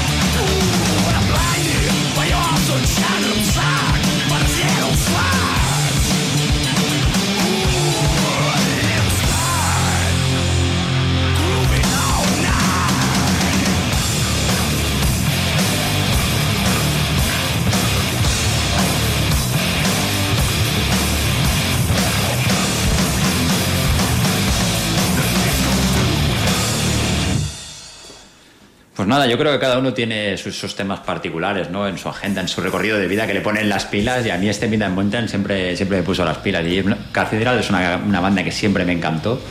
Los tuve ocasión de verles en directo varias veces y personalmente es una banda que echo de menos y que me encantaría que volvieran a juntarse y volvieran a la carretera. Sería muy fuerte, o una gira aniversario, o reunión o algo así. Es que yo creo que son de aquellas bandas que el tiempo se las ha comido. Yo creo que hay poca gente que se acuerda de ellos y yo creo que son muy han influenciado muchísimo. Pero se, se acuerda un poco en el sentido de que en el día a día no hay tanta cosa por ahí, tantos inputs que no caemos, pero si hacen un- una gira reunión, yo creo que eso se llena. Porque somos muchos los que les A ver, yo recordamos. tuve ocasión de verles eh, en su buena época cuando estaban en activo y me acuerdo que fue, en- creo que no sé si era Razmataz o Celeste todavía y no estaba ¿Y no? lleno ni mucho menos. ¿eh? No, pero es que muchas bandas que no estaba yendo ni mucho menos ahora petan salas. o si vuelven. No sé, ojalá, ojalá, ojalá volvieran. No lo ojalá veo Lidor imposible, ya- ¿eh? ni mucho menos. Ahí- Sí, se reunieron Legion, así que me lo creo todo. Sí, sí, lo de Legion fue, fue fuerte. Eh, yo Lo de Legion no nos lo creíamos nosotros. No, más claro, y más sabiendo la- conociendo la historia de Jonathan era algo imposible. Eh, yo sobre este disco, Serial Mirror, es el único disco que tengo de Cathedral y mi, mi historia es que después de, claro, en aquella época tu, tu información te llegaba pues por algún programa de radio, por alguna revista y después de leer el nombre un par de veces en revistas, pero no haber escuchado ningún tema en radio, en Discos Pelayo, en el sótano de Discos Pelayo, había una caja con discos a 500 pesetas, lo que ahora serían 3 euros. Y uno de ellos era este Serial Mirror de Cathedral. Lo miro, mm, el dibujo, porque si, si miráis la portada del disco, el dibujo no te evoca un disco de heavy metal ni similar. Cero. Lo giro, veo Erake por detrás. Más bien parece algo del Bosco, ¿no? Vale, pues sí. ERH, esto era metal extremo. Había leído buenas reseñas en revistas. Me lo compro. Decepcionadísimo. Lo pinché al llegar a casa, muy decepcionado. Yo, creo, Tony, perdona, tu decepción eh, empezó cuando viste la foto de la contraportada y viste a ese señor con la camisa ancha, los pantalones de campana. Sí, sí, sí, correcto. Sí, sí, totalmente. No, pero eh, te esperas otra cosa por lo que lees y por tal, y, y no era. Y tampoco es un estilo que a mí me haya llamado mucha atención este, eh, nunca, y, y la verdad es que ahí me paré. Ahí empezó y acabó mi relación con Cathedral. Lo tengo aún el disco, ¿eh? Me haría un Lester ahora si, si estuviera en casa y os enseñaría el disco, pero eh, fue todo el contacto que tuve, pero, pero sí que es verdad que, que en aquel sótano de Pelayo descubrías cosas a buen precio Sí, sí, que, sí. que, bueno, te permitía por lo menos no palmar mucha pasta si no era lo tuyo aquello. Esos discos balada, ¿no? Era el sótano de... ¿Discos balada era? Sí, ¿O sí, era sí. Discos Pelayo. ¿Discos Pelayo? Sí, sí, sí. Discos Pelayo. Sí, sí, aún tengo. Y que había la caja de vinilos a 100 pesetas y, y luego pusieron una estantería CDs a 500. ¿Qué vinilos, Tony, no habría allí por 100 pesetas? Pues. Que ahora... eh, Alguna cosa bastante tocha, sí, sí, había pillado allí. Pues yo recuerdo haber copias y copias del Slippery When Wet de Bon Jovi por 350 pesetas. Tía, Yo allí pillé, por ejemplo, el- los dos primeros de Sanctuary. Los pillé por 100 pelas. Allí en- Y, eh, y hablábamos ahora de Legion, el Mint Training por la cara también por 500 pesetas, los pide allí. Hashtag batallitas del metal. Eso es. Sí, Sergi, somos mayores. Pero... Llevo, eh, llevo treinta y pico temporadas escuchando lo joven que es Dani. Ahora Dani tiene que decirle que es mayor a un nuevo componente del octavo día. Me encanta. ya- lo jodido es que ya hace tiempo que no soy ni el más joven del octavo día y ahora ya no soy ni el segundo más joven. Qué asco. Joder. Solo puede ir a peor. Alfonso me acaba de hundir del todo. Em, Te lo digo por experiencia. Correcto, correcto. Em, Alfonso, eh, nos Sí, dices los adiós. nos tenemos que ir a dormir y a descansar. Pues buenas noches compañeros, buenas noches audiencia y bueno, en la semana que viene espero que estéis todos por aquí y traer algo que sea de vuestro interés. Seguro que sí, Sin duda. Sin duda. Seguimos con Sergi, porque además de traer temas, no sé si vais a hablar ahora del concierto Hombre, algo después. comentaremos. Venga, ponemos primero el tema entonces. Sí. Fantástico, pues dale caña, Sergi, ¿con qué nos Pues ahora? vamos ya con una de mis bandas fetiche, de mis bandas preferidas desde que, desde que era un crío que iba a la guardería. más, más crío. Redefine, redefine, crío, redefine. Era más crío aún. Redefine. Y no, no, es verdad, iba a la guardería, yo estaba sentado en el asiento de atrás y yo pues mis primeros inicios en esta música fueron escuchando el Unity y el Sun Chaser, así que la banda que vamos a escuchar ahora es Rage, no concretamente de esos discos, eh, algo más moderno, de hecho de su último trabajo Resurrection Day, la canción que da título a este álbum, así que vamos allá.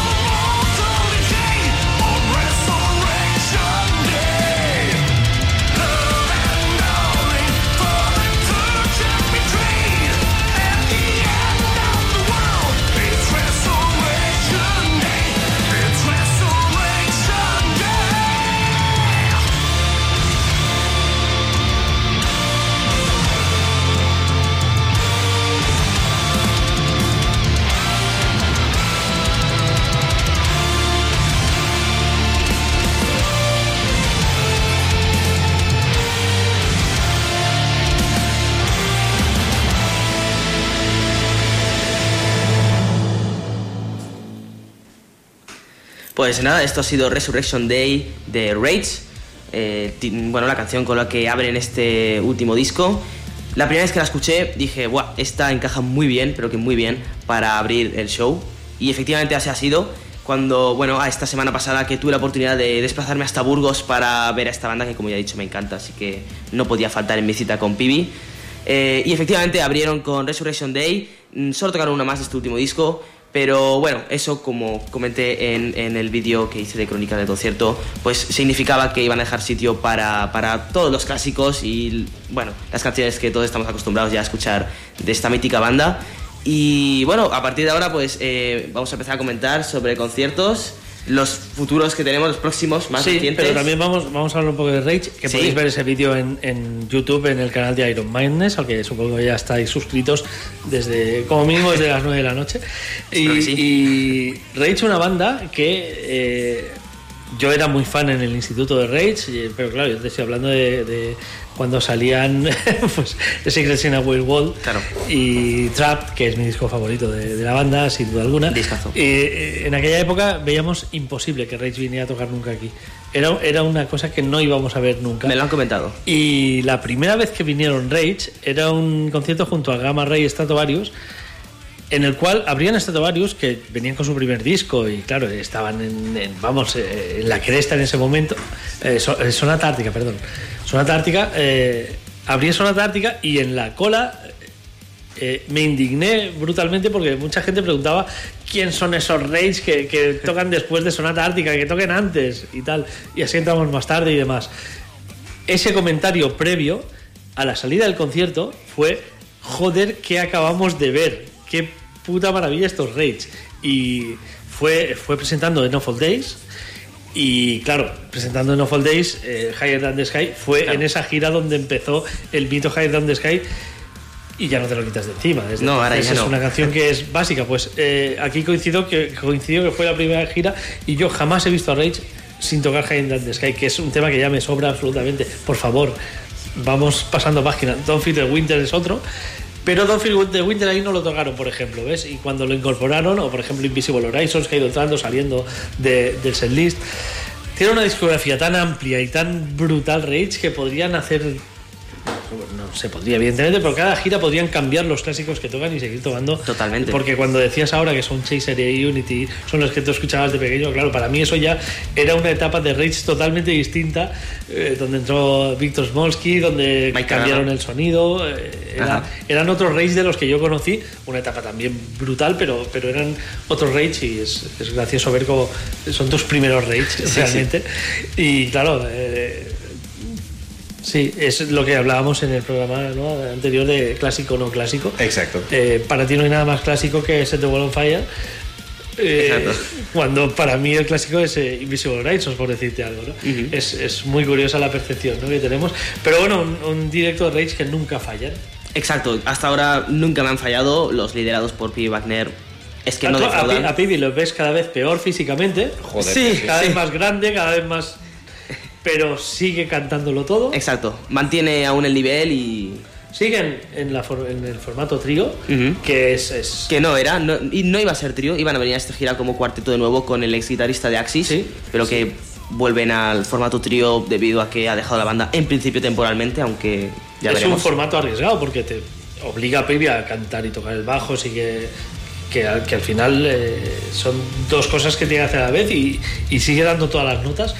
El guitarrista tiene que estar muy, vamos, tiene que, tiene que, que ser muy top porque tiene que hacer sus, sus notas, las bases, las rítmicas, las- los solos. Y bueno, de batería no vamos a hablar porque Rage siempre tiene unas baterías de escándalo.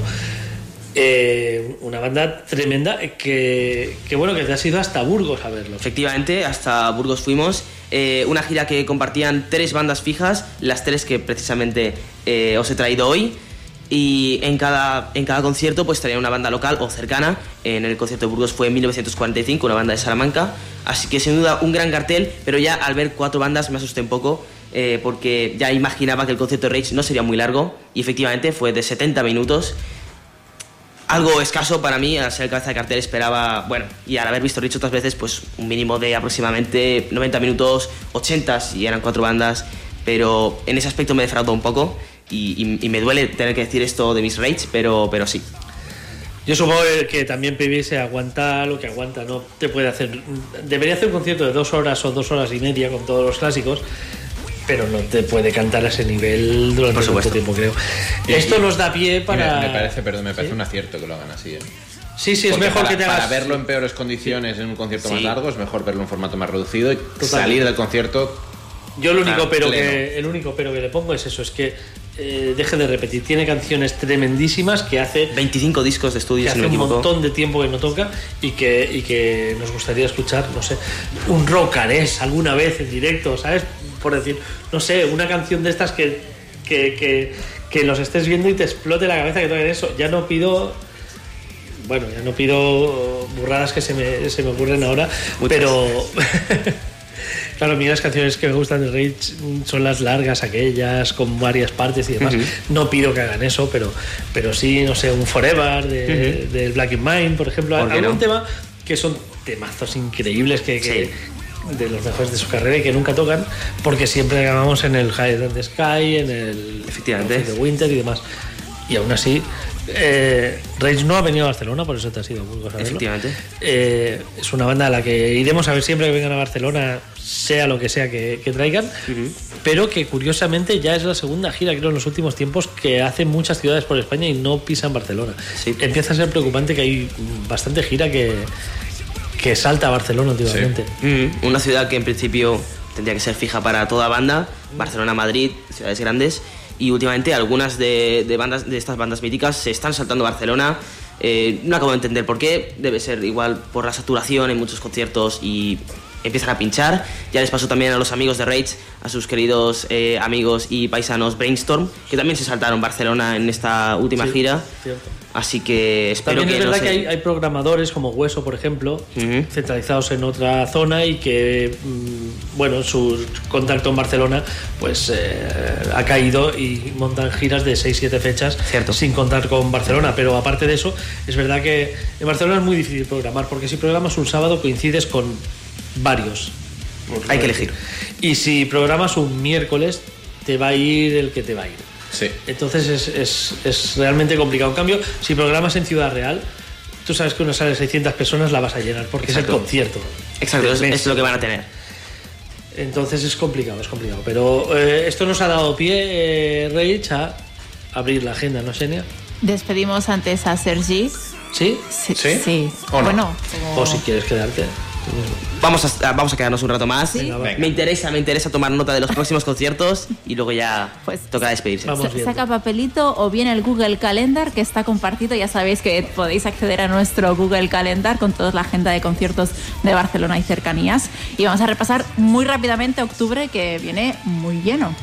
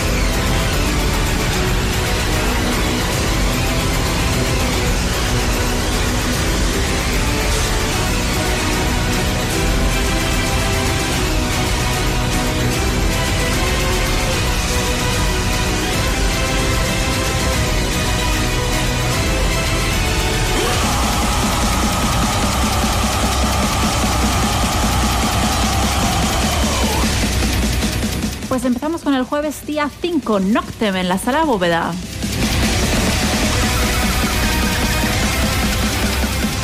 Difícil para decidir para el sábado 7 de octubre. Por un lado tenemos Ercebet junto a Midjungarts en la sala Wolf.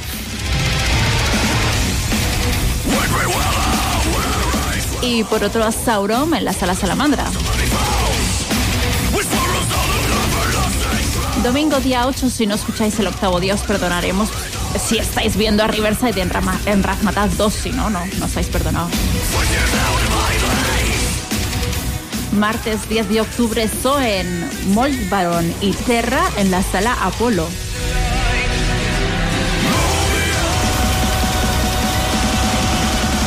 un poco de black metal para el miércoles 11 de octubre, Canon Fever y Perennial Isolation en la sala Upload. 13 y 14 de octubre, nueva edición del AM en este caso en Vancouver, por toda la polémica que hubo con Brutus y con muchas bandas más.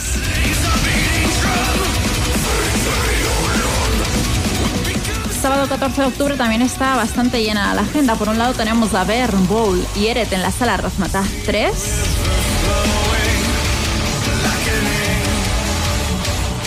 O bien Blaze Out y Week Exist Evented en la sala Bóveda.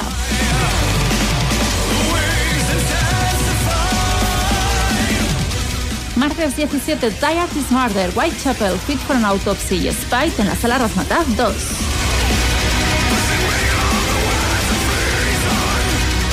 Viernes día 20, Destroyer 666, Pesticraft y Atonement en la sala Bóveda.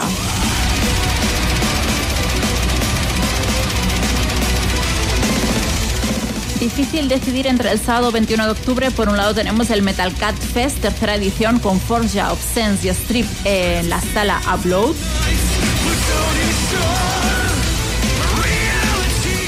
Festivalazo para los weirdos extremitos en el Deadwood Rising en la sala Upload. También, perdón, el Metal Cat en la sala Wolf, me he equivocado.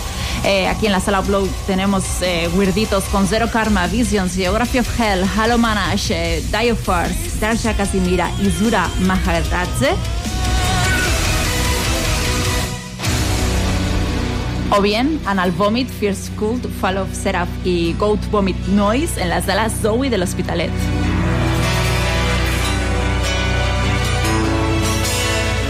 Doblete también el jueves día 26. Por un lado, metal extremo con Master y Totengot en la sala Bóveda. O bien Blind Guardian y Dawn of Extinction en la sala Razmataz.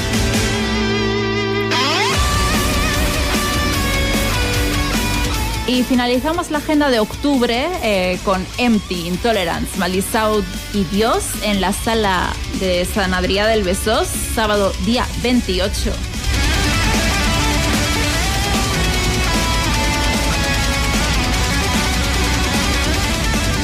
Esto es solo octubre, pero ya sabéis que hay mucho más. La tenéis en, en nuestro, en cualquiera de nuestras redes sociales. Hay un enlace para acceder a la agenda de conciertos y sincronizarla con tu propio Google Calendar y así no perderte de, de ningún evento. Eso es lo que intentamos. Y como has comentado muchísimos conciertos, yo la semana que viene me disculparéis, pero estaré en Riverside. Disculpado es estás. Una de mis bandas fetiche en directo, una banda que os recomiendo muchísimo y que escuchéis el Otavo Dian Podcast si, eh, si, si tenéis la ocasión de ir, porque la verdad es que te hacen flotar. Es, es una gente que en directo te hace flotar, es increíble.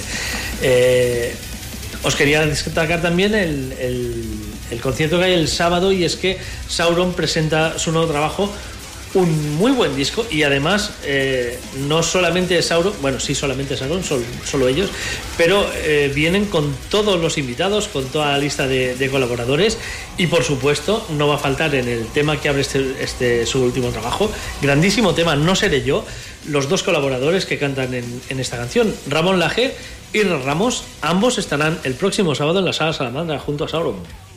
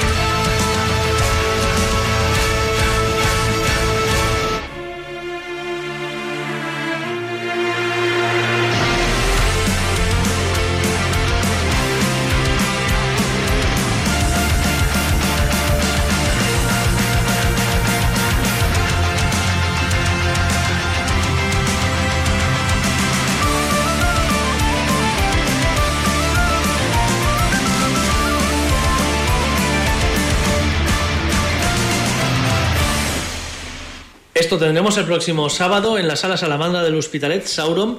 Eh, ya veis, eh, Ramón Laje y, eh, Isra Ramos en plena forma. Sabéis la devoción que tenemos en el octavo día por ambos. Y, y poco después de conocer a Isra, Tony, lo vimos precisamente en un concierto de Sauron con Amadeus. Eh, correcto. En lo que no me fisto, vaya. Exacto, eso es. Eh, pues ahora lo, lo veremos juntos. Además, muchas, muchas sorpresas. Una noche eh, que va, va- va a valer bastante la pena. Y si no habéis visto a Sauron, es una gran ocasión para conocerlos. Pero si los habéis visto, es una gran ocasión para que veáis cómo suenan ahora, porque. eh, el sonido que llevan y el montaje que llevan ahora es, es una pasada. Y yo que no soy muy fan de Sauron, como os he reconocido bastantes veces, me, flipa Mariam, nos flipa Mariam. Es el disco que nos flipa de Sauron. Pero no, no somos muy fans de Sauron, pero realmente el espectáculo que llevan ahora y con todas las colaboraciones y el montaje que hacen en directo, y sobre todo el sonido, el sonido es increíble, eh, pues va- vale mucho la pena y el próximo sábado estaremos ahí. Y tenemos a nuestro querido Adrián Tony, de, bueno, iba a decir, ex. Ex Ópera Magna, sí, sí. Eh, llevando- haciéndose cargo del tema. Llevando todo, toda la luz, digamos, de- del espectáculo. Pues nada, pues después de esta sesión de repaso conciertil, agendas y tomar nota, seguimos con más metal. Y en mi caso me voy a dirigir a todos los amantes del Doom, pero diferente a lo que Cathedral y ese Epic Doom que con Nicolas Leptos, que antes Mm. nos ha puesto Tony, eh, porque seguro que los amantes de este género les sonaban los nombres de Shaun, eh, Shaun Taylor Steele eh, o Hanish Glencross que no son nada desconocidos porque han militado en grandes bandas como son My Dying Bride o Valenfire, eh, Solstice o Anathema. Pues estos cracks se unieron en 2017 para crear God Rhythm y el pasado 18 de agosto, en pleno verano, vio la luz su segundo largo de nombre Distortions. ¿Y qué encontramos aquí? Pues nada, lo que se espera de ellos. Epic Doom Metal, muy a lo Candlemas, muy a lo Cathedral, muy a lo Solitude Aeternus. Y sí que es cierto que siguen la estela de estos grandes del género, están muy influenciados, ¿no? Pero al fin y al cabo también la trayectoria de estos dos pues es la que es y lo, es lo que le gusta es eso. Y he de decir que este disco, este Distortion, se asemeja mucho más a la propuesta de My Dying Bright gracias a la incorporación a la banda de Catherine Glencross, a la voz y a los teclados.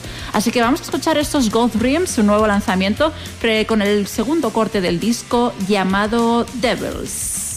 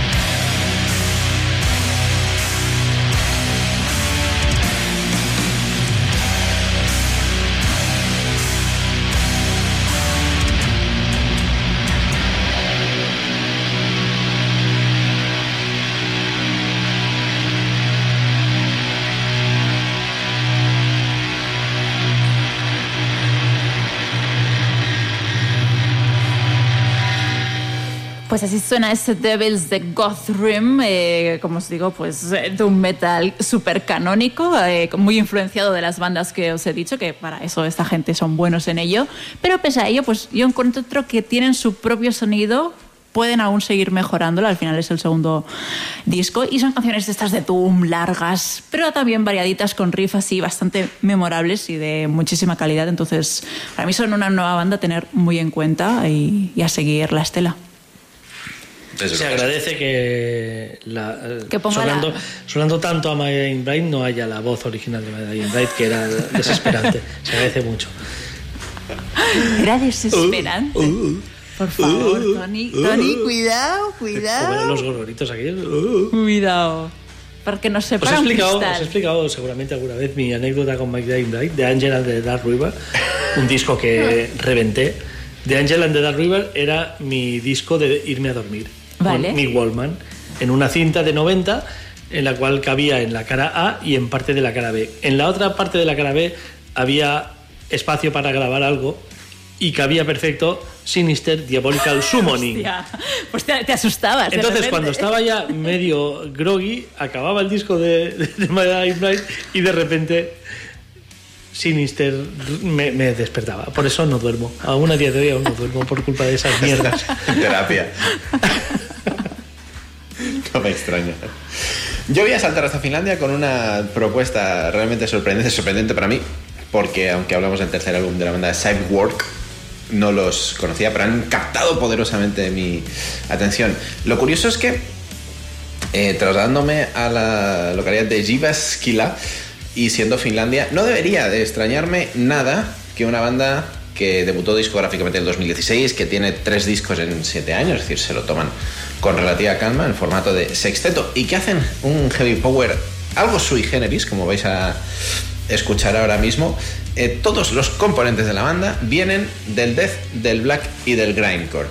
Y sin embargo, han decidido dar un rumbo nuevo a su talento y hacer esta, iba a decir, versión más melódica de su música, pero es un disco algo tramposo este Spark of Hope de 2023 porque vais a escuchar, por ejemplo, en el tema que lo abre, que empieza con un pasaje que nos recordaría mucho más pues mira, por ejemplo, al Dark Heavy Metal de Dark Embrace que ha puesto antes Sergi, algo mucho más oscuro, y de repente meten algunos temas realmente brillantes, pero brillantes lo digo en un sentido musical, temas que nunca van a estar rozando ni siquiera el, el happy power metal, pero que no cuadran un poco con, con el tema, por ejemplo, que abre con otros que nos vamos a encontrar. Un disco, como digo, algo heterogéneo, algo tramposo, pero que me ha parecido una maravilla y con un nivel bastante superior a lo que estamos encontrando hoy en día en el mundo del power metal. Así que desde este Spark of Hope, tercer álbum de Cyborg, os dejamos con un auténtico temazo, Shape of a Ghost.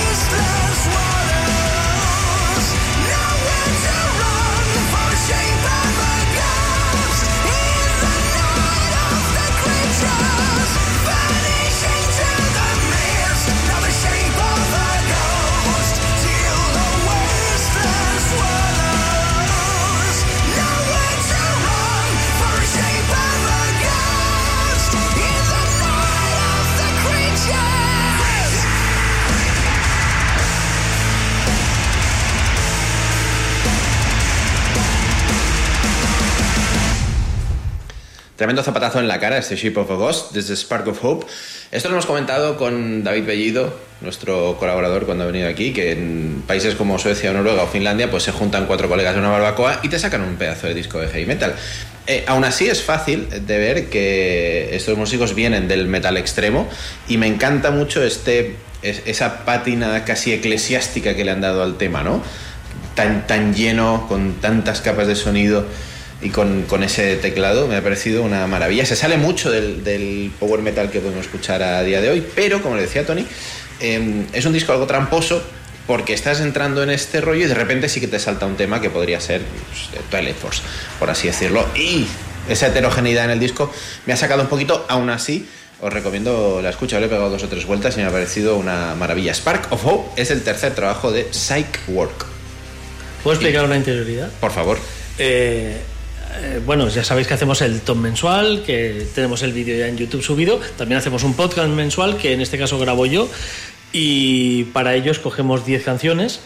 Una de las 10 canciones, bueno, como ah, hasta ahora hemos estado haciéndolo entre cuatro, eh, mm, cogíamos 8 canciones y luego añadíamos dos más para rellenar. Una la teníamos muy clara, que era Primordial. Y la otra, como vimos que había muy pocos grupos de mainstream, muchas comillas en mainstream, pues dijimos algo de Cryptopsy o de Cannibal o de alguna Fetus, alguna banda un poco más grande, porque son bandas muy secundarias, ¿no? Lo que estamos metiendo en el podcast de este mes. Pero Dani propuso esta canción, eh, por si cabía, eh, aparte de sus dos, la escuché y dije, a la mierda, Caníbal, Cryptopsy, de ahí. ya está, est- esta entra y ya está. Ha Y estado es muy bien el de Cannibal, por eso. ¿eh? Está sí, muy sí, no, bien. no, está muy bien, está muy bien, pero Y se nota el amigo Rutan ahí potente. Rutan está, potente. está muy bien. Y el de Cryptopsy me ha encantado. También. Y el de Dying escuchado Fetus también está muy bien. Pues sin duda una propuesta súper interesante, la verdad, muy de mi agrado. Esos constantes cambios de ritmo que, bueno, entran a la primera. Eh, y las voces muy interesantes realmente. Al final lo comentábamos aquí eh, mientras estaba sonando la canción que siempre intentamos relacionar con alguna banda. eh, a mí me pasa mucho, lo intento siempre relacionar con alguna banda que, con la que domino más. eh, incluso a veces aposta.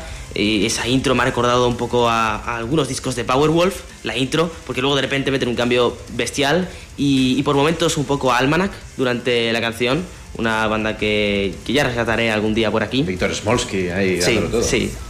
Así que sin duda un gran descubrimiento. Bueno, Powerwolf también tiene este rollo, ¿no? Aunque, aunque Eclesiástico, no- que Eclesiástico, pero, sí. Pero no están haciendo exactamente Exacto. esto. Eh, Tony ha recuperado a Zonata. A Zonata, el- la parte del estribillo me ha recordado muchísimo a Zonata, sobre todo aquel primer trabajo que era, era muy chulo. Pero esa es, es la parte más power metal de la canción. En todo lo demás no se parece nada a Zonata. Es un- una muy buena mezcla. Sin duda. Interesantes. Vamos, vamos con mezclas y muy buenas a, a mi gusto. Nos vamos a Finlandia, seguimos en países Sí. nórdicos y es que de allí es una banda genial como Stamina. eh, Stamina con S, empezando con S y con un 1 en lugar de la I. Una banda que, eh, bueno, eh, se la cataloga como progresivo, no siempre lo es. Se la cataloga como metal extremo, mm, no siempre lo es. Este disco quizás más extremo que, los últimos que venían haciendo, o quizás que les he perdido un poco la pista y los últimos ya vienen hacia, esta tendencia, pero bueno, en, definitiva es una banda que a mí me gusta hablar de un, de un cruce, cuidado con lo que voy a decir, porque no es, no es fácil de... eh, o sea, es una, afirmación bastante eh, arriesgada, y es que para mí es un cruce de, estando en Finlandia, unos... eh, Impale Nazaren con Leprous. Tú coges a Impale Nazaren y a y te sale esto.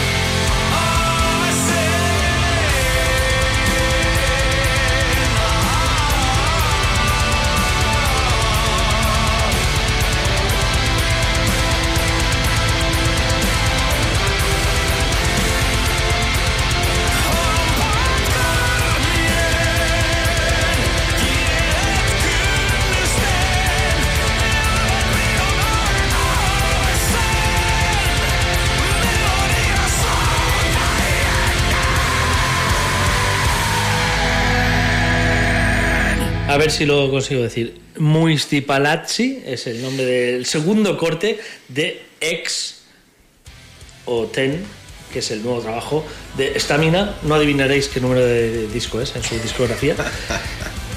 Pues ya veis, una banda veterana finlandesa.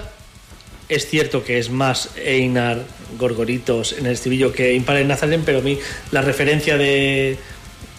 La referencia rápida que me viene en Finlandia Así, a pim, pim, ese pim. tipo de caña que no es ni black ni es death, es Impale Nazaren, es cierto no, no son muy equiparables, pero bueno, ya se entiende la comparativa.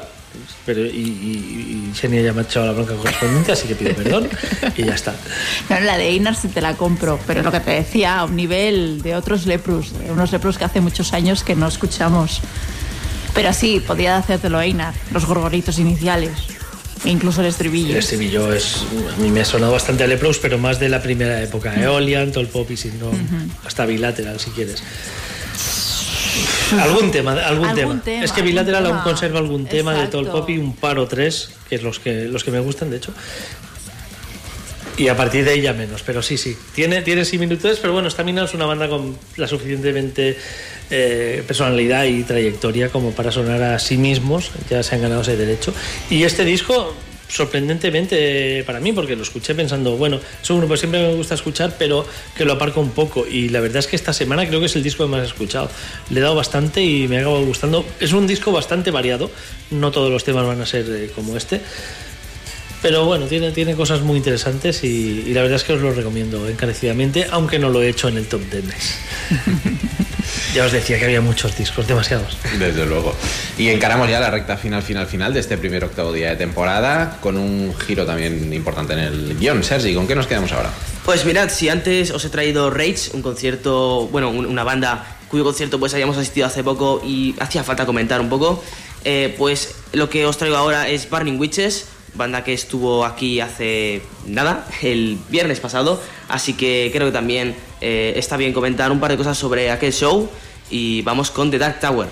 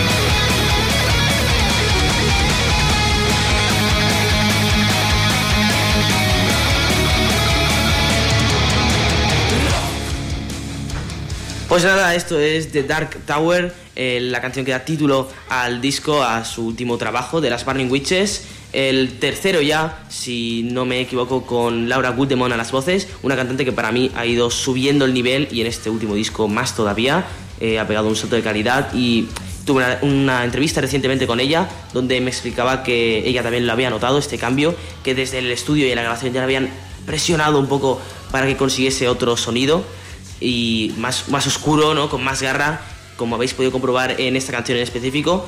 Y la verdad es que escuchándolo un par de veces el disco completo, pues sí que se nota. Para mí hay un cambio respectivamente y a mejor eh, con, con el anterior, con el The Witch of the North. Y, me sorprende sobre todo que en directo ganan mucho. eh, esta canción que, que ya me comentó ella misma, la Laura Guldemont, que es algo complicada, que tuvo que ensayar varias veces para poder eh, cantarla en directo, pero que la clava, la, representa al 100%. Y sí que es verdad que tiene algún truquillo que nos explicó en la entrevista, que echa así como el cuerpo para atrás, hace como un salto eh, en las partes donde tiene que subir y de repente bajar mucho. Pero bueno, son esos truquillos de cantante para poderlo, para poderlo cubrir bien. Y así que sin duda un buen disco, un buen disco, eh, bastante mejor para mí, al menos en lo personal, que el anterior.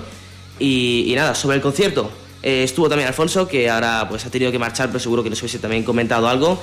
Eh, sin duda, en- a nivel de actitud, de fuerza de la banda, fue espectacular. Eh, la puesta en escena también, el, el- el escenario muy bien. Pero volvemos a lo mismo más o menos que he comentado con Rage. El concierto de Rage fue corto, este todavía más. Tenían preparados 60 minutos, una escasa hora de show. Se me hizo corta por todos lados, la verdad. Es una tendencia peligrosa ¿eh? últimamente. Sí. Lo de. Claro, yo porque eh, claro, estoy muy acostumbrado a ver conciertos donde tocan Mike Porno y que no baja nunca de dos horas y media. Pero claro, vas a Tampoco cualquier- es lo habitual, Tony, seamos No es lo habitual, sinceros. no es ¿eh? lo habitual. Creo que Sauron, por ejemplo, que tocan el próximo sábado, de los que hemos hablado, tocan más de dos horas, pero no es, no es habitual, es cierto, cada vez menos. Y antes yo recuerdo que, que lo habitual en un cabeza de cartel, el mínimo era hora y media. Hora y media. Y hora y media eran los cortos, porque te hacían hora 45, dos horas.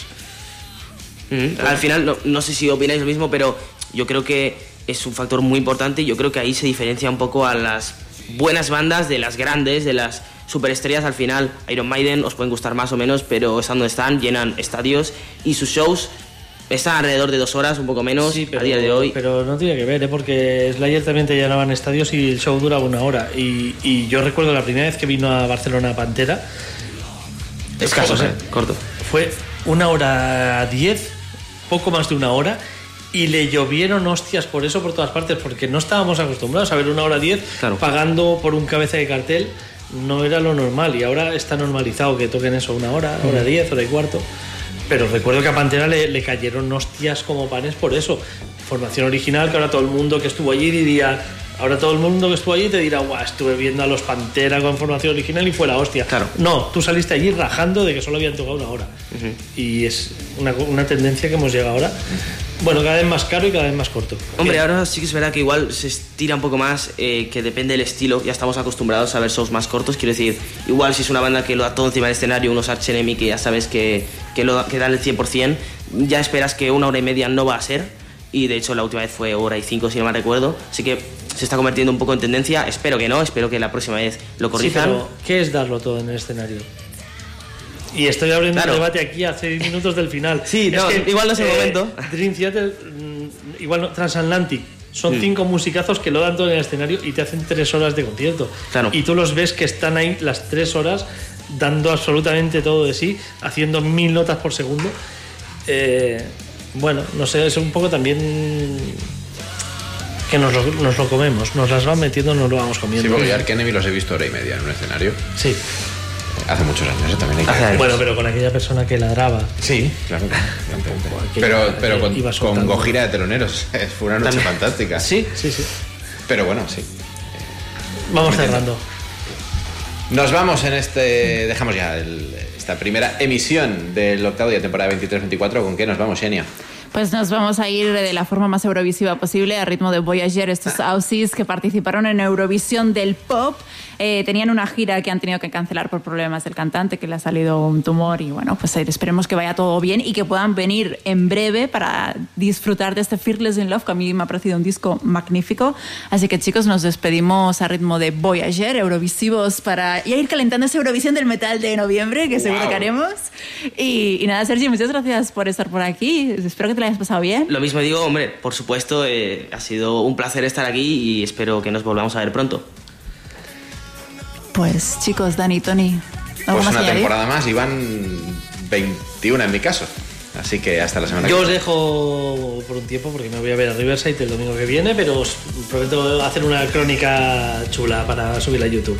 Venga, buenas noches y muchas gracias por escucharnos. Adiós. Dreamer, take me as I am.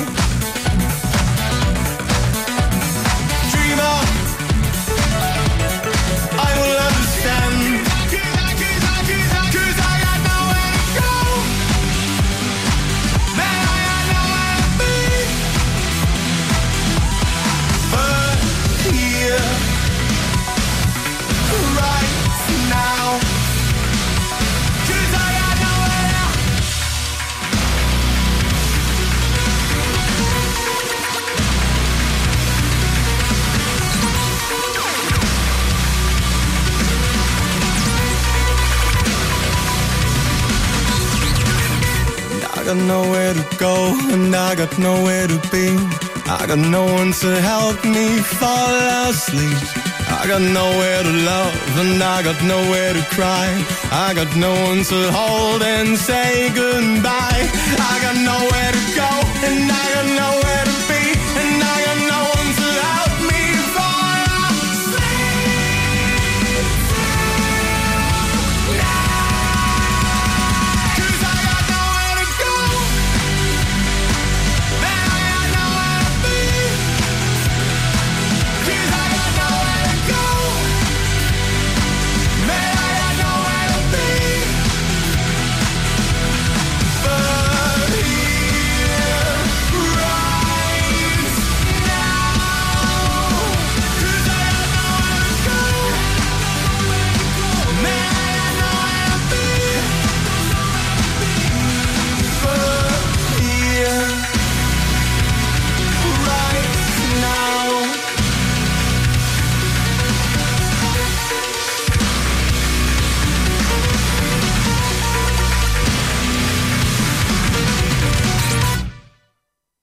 Hasta aquí el octavo día.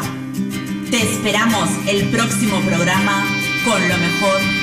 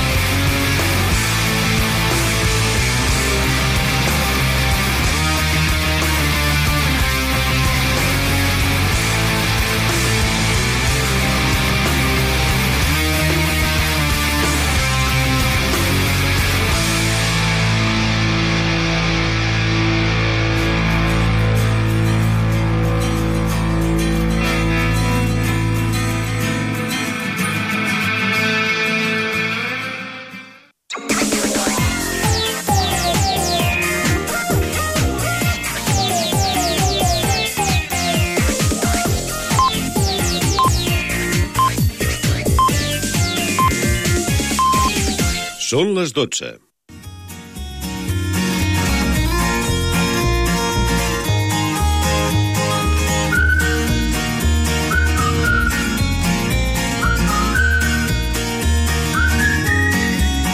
Molt bona nit. Ara comença a Ràdio Cornellà